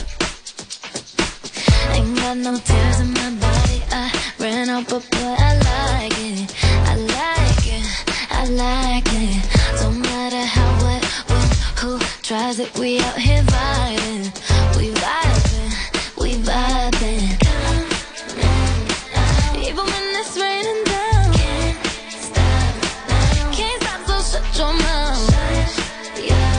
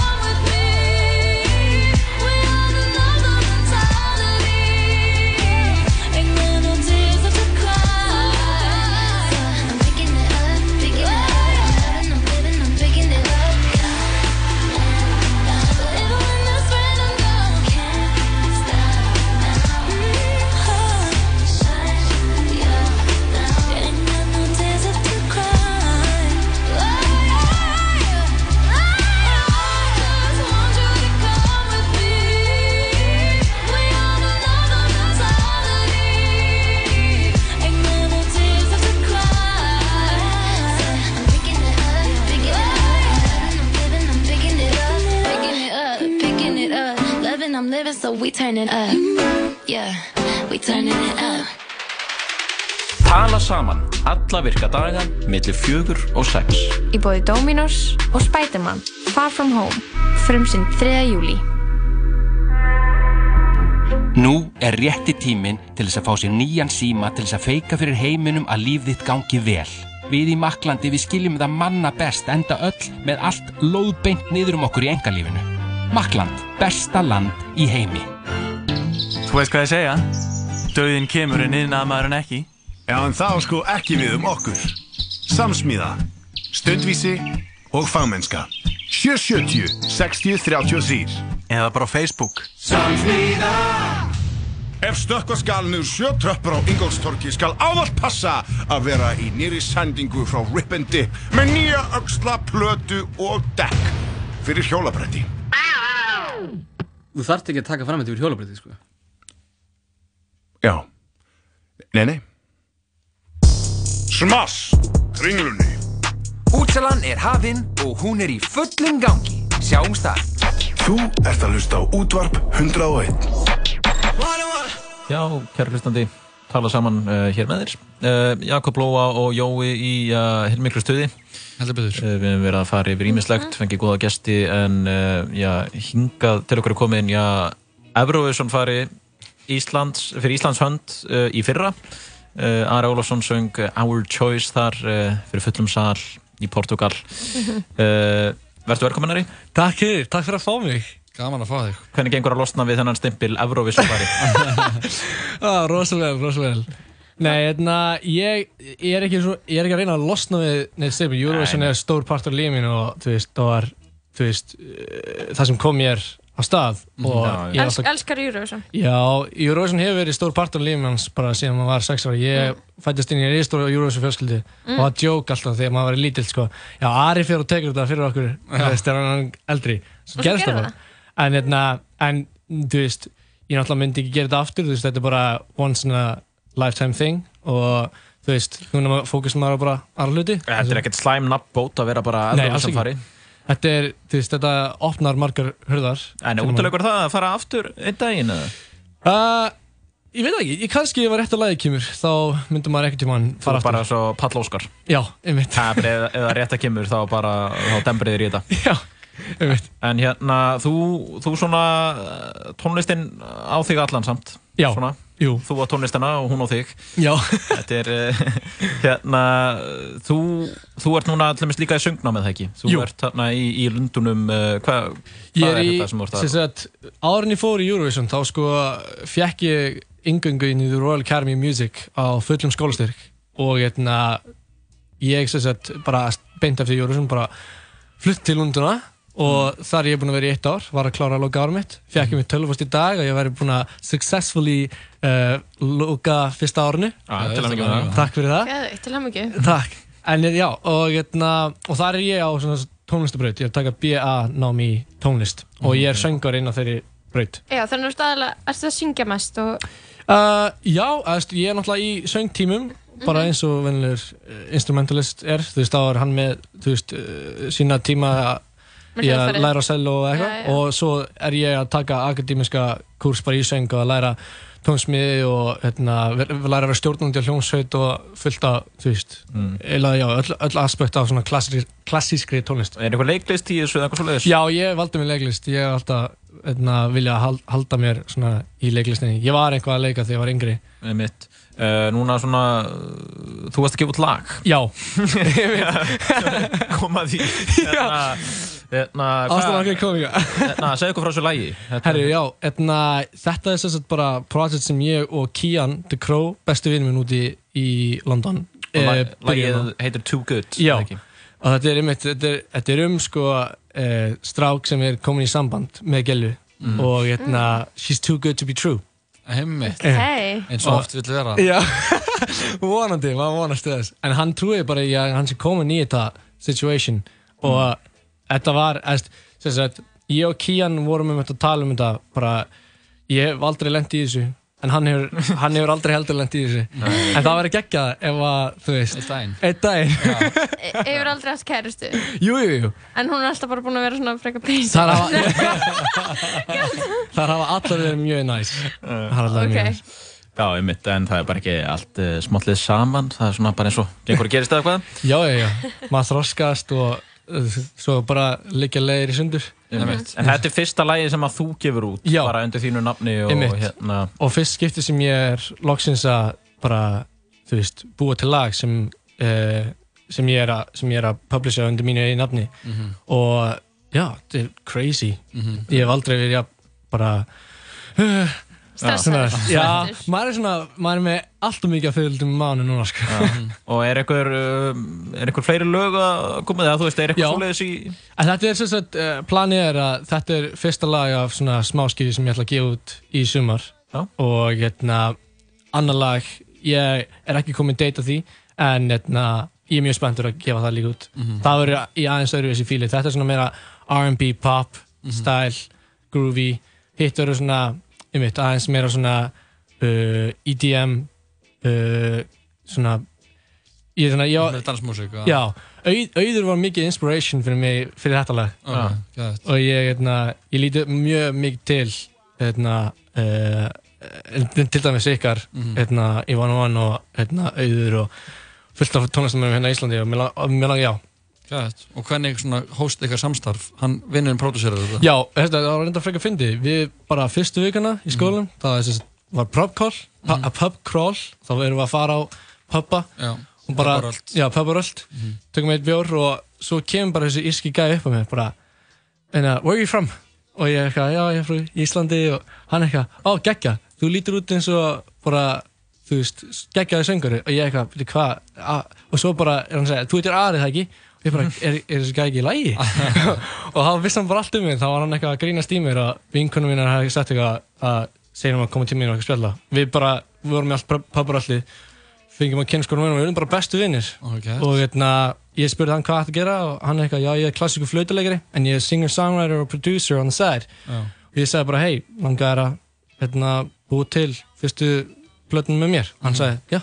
Það er svona gerst það. að þetta var, var eiginlega bara too good to be true. Þetta var eiginlega bara too good to be true Ég held að þetta sko, lag er um okkar relationship meira heldur en eitthvað annað Og hvað hva langaði að gera svona í, í náinni framtíð? Bara búið til tónlist og klára skólan eða... Já, sko, eins og staðan er, þá var ég eiginlega, ég datt í lukkupottin bara þegar 2018 byrjaði. Ég komst inn í skólan og svo vann ég í söngukemna, komst í Eurovision og þú veist, uh, ég hef alltaf bara verið það sem finnst mig, það sem ég finnst gaman at the moment, Mhm. bara mér finnst ógeðslega gaman uh, komið nýtt passion fyrir að búið til tónlist og gerast producer líka, að læra mikið í því.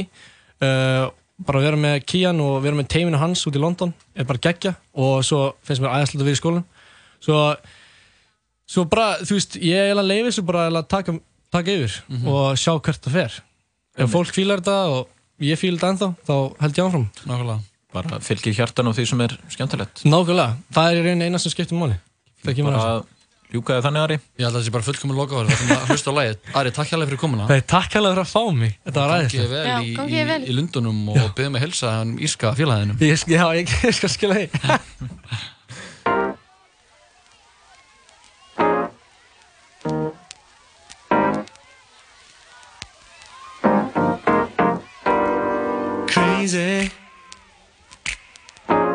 you're too good, you must be crazy.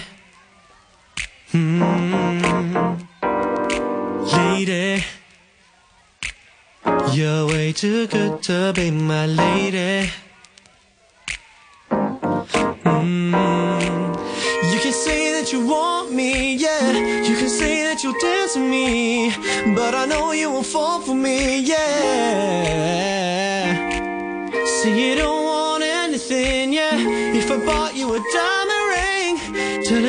that I'm all you need, but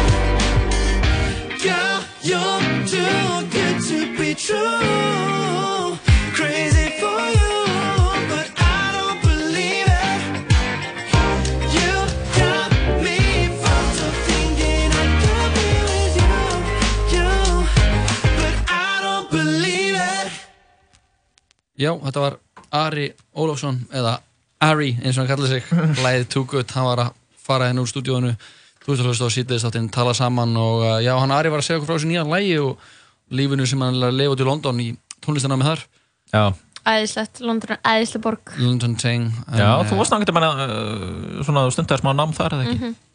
Hvað, hvað varst það? Var þetta svona bara starfsnám eða? Já, ég var hann aðeins í leikursunum Hvað varstu lengi? Á mánuði Tvo mánuði? Mhm. Var þetta gaman eða? Já, já. Þeir eru bæði Ég var, Bretlands að, ég var að vinna Jú, jú, fyrir Ég var að vinna fyrir performance listakonu og ég var stundum að þrýfa upp pissi hennar. Hún var að pissa svolítið mikið á sviði þannig að Vá, draumur allra. Hann er eitthvað aðfólki. Uh, Þú Jóhann, þú varst alveg bara í Birmingham inn í Ég hef verið í Birmingham en síðan á ég fjölskyldu í London þannig ég hef verið mikið annars sko, og kæri sem er náttúrulega hálf, hálfu breyti þannig að ég ferðast þér reglulega til Englands. Og var Mhm. að mynda að fá Save the Date í brúðköp hjá frængu kærastu minnar í London, nei, Essex á næsta ári Já, sem er hann að söður af London eða ekki? Jú, þannig að ég bara býð spenntur eftir að geta að fara aftur, aftur þanga Þetta var ekki Haraldabróðin í leikarna með hann? Hann var í leikarna með hana, þannig að það ég er mikið verið hann og frænka minni hefur búið hann í 30 ár þannig að ég hef farið hann mikið sem barn Já. Mm. En uh, það er búið að vera þrjusu þáttur í okkur í dag Við uh, fórum í mikið uh, grín og glans fórum í uh, Myth fyrst að það er Myth við eina góðsögn til okkar og uh, að lóa, bara borðina góðsögn Um konur, um að konur vildu ekki láta borga fyrir svo stefnum, stefnumótum á það er mið. það er mið og Það er mið að konur vilji láta vilji ekki láta halda hurðum opnum fyrir sér. Já, það er líka mið. Konur vilja báða þessa hluti. Já, og uh, þetta var svona mythbuster dæmi henni í gangi, við Mhm. vorum að að afmá þessar mýtur. Vandamálið fengum innsend nafnlaust vandamál frá 26 ára innleipum Karlmanni sem að veit ekki hvernig hann getur kynast konu. mm Og við vorum marga mismandi lausni við þessu. Hann Já. bara velur bara og sé bara hvað ferð, eða hvað hann- ferðalag hann ætlar í sjálfur. það var svolítið gaman símtal já, það var svolítið gaman sko, þetta var aðsend uh, vandamál og það er gaman þegar já, hlustendur eru svona í, í já, bara nánum samskiptum við okkur og þegar við erum að fara yfir vandamáli þá ringir annar hlustandi inn og, Já, og með kemur lausn. með lausn sko. þetta er alveg dásamlegt hvernig þetta virkar hér í Tala Saman jú, jú. Uh, sem er jú alla virkadaga all milli fjóra Já, og það er einhvern veginn alveg frábært að, að fólki í landinu tar ekki þátt og við finnum fyrir miklu meðbyr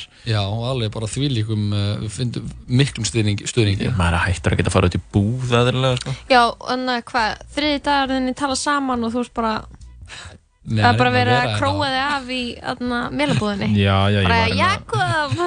Ég var hérna nefnilega í tvær vikur um daginn og eitthvað og, og svona, og þetta er alveg rosalegt sko. Samnast þegar sama kemur Já, já, þetta er ekkert Já, það er engi, það ekki með engin út á götu, sko. Nei, þú ert það- alltaf með þessa stóru svona, svona latex grímu á þér Mm. Svo fengum við sjálfsögðu til okkar uh, Magnús Leifsson, leikstöra hann var að segja eitthvað frá uh, kveikmynda, hann fór á svona, svona ferðalag með stuttmyndina sína nýr dagur í eigaferði sem hann vann uh, edduna fyrir fyrra á árinu og, og uh, ferðaðist með leikstörum frá 30 löndum um að milli nokkar landa og síndi síndi stuttmyndarnir sínar. Og sömulegis gerði hann örmynd sem hættir að nálgast á internetinu, við setjum myndin á vefun okkar uh, senna í dag eða í fyrrmálið og lokum fengum við til okkar Ara Ólafsson, uh, Júruðsson fara frá því í fyrra, hann var að gefa nýtt lag sem ber heitið Too Good. Var að segja okkur frá lífinu í London og hvernig er að vera að hafa farið í Júruðsson og, og vera síðan að gefa tónlist Við mitt, Mhm.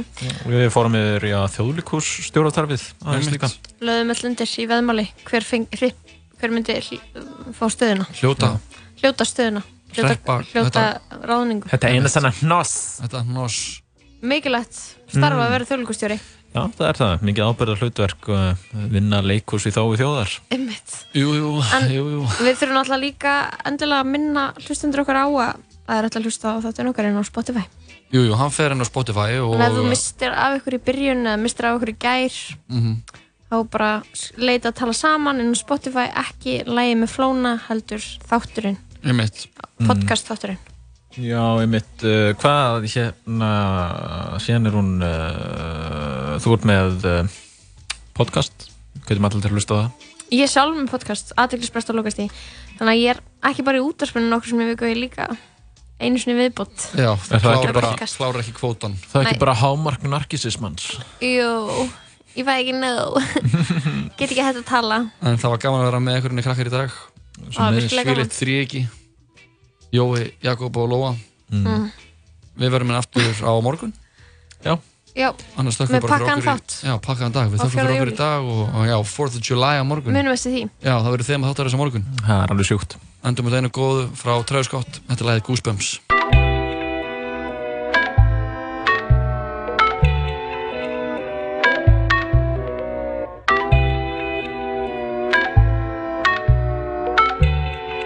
Yeah.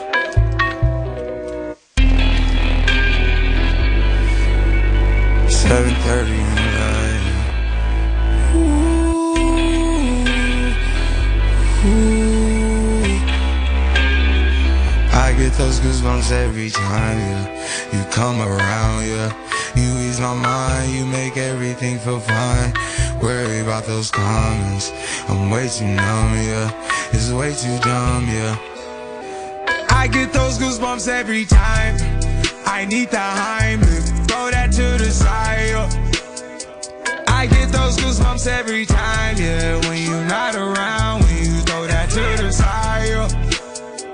I get those goosebumps every time, yeah. 713 through the 281, yeah, I'm riding. Why they on me? Why they on me? I'm flying, slipping low key.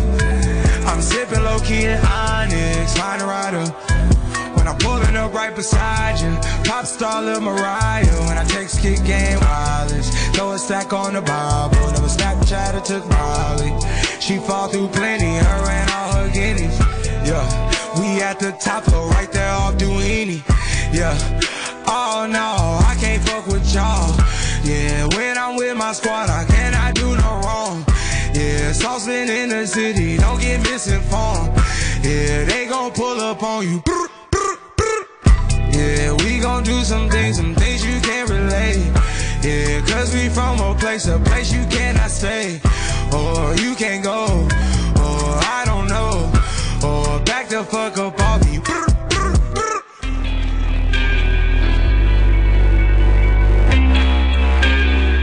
I get those goosebumps every time, yeah. You come around, yeah. You ease my mind, you make everything feel fine. Worry about those comments. I'm way too numb, yeah. It's way too dumb, yeah. I get those goosebumps every time.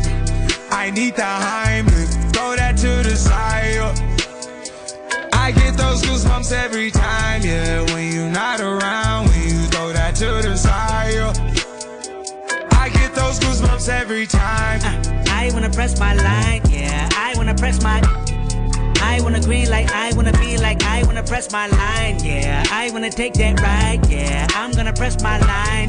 I wanna green like I wanna be like I wanna press my. Mama dear, spare your feelings. I'm reliving moments, feeling more residual. I can buy the building, burn the building, take your bitch, rebuild the building just to fuck some more. I can justify my love for you and touch the sky, forgot to stop debating war. Put the pussy on the pedestal. Put the pussy on the high horse. That pussy to die for. That pussy to die for. He the piper, pick the peppers. I can pick your brain and put your heart together. We depart the shady parts and party hard. The diamond shows the cool forever. My best shot just might shoot forever like. I get those goosebumps every time, yeah. You come around, yeah. You ease my mind, you make everything feel fine. Worry about those comments. I'm way too numb, yeah. It's way too dumb, yeah. I get those goosebumps every time. I need the Heimlich, throw that to the side. I get those goosebumps every time, yeah. When you're not around, when you throw that to the side. I get those goosebumps every time.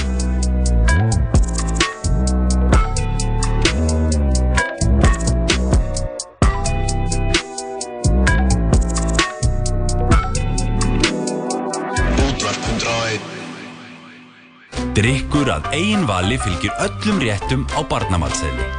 American Style 14 stöðuvar og 7 sundlöðar á aðeins 6.840 krónur á mánuði. World Class.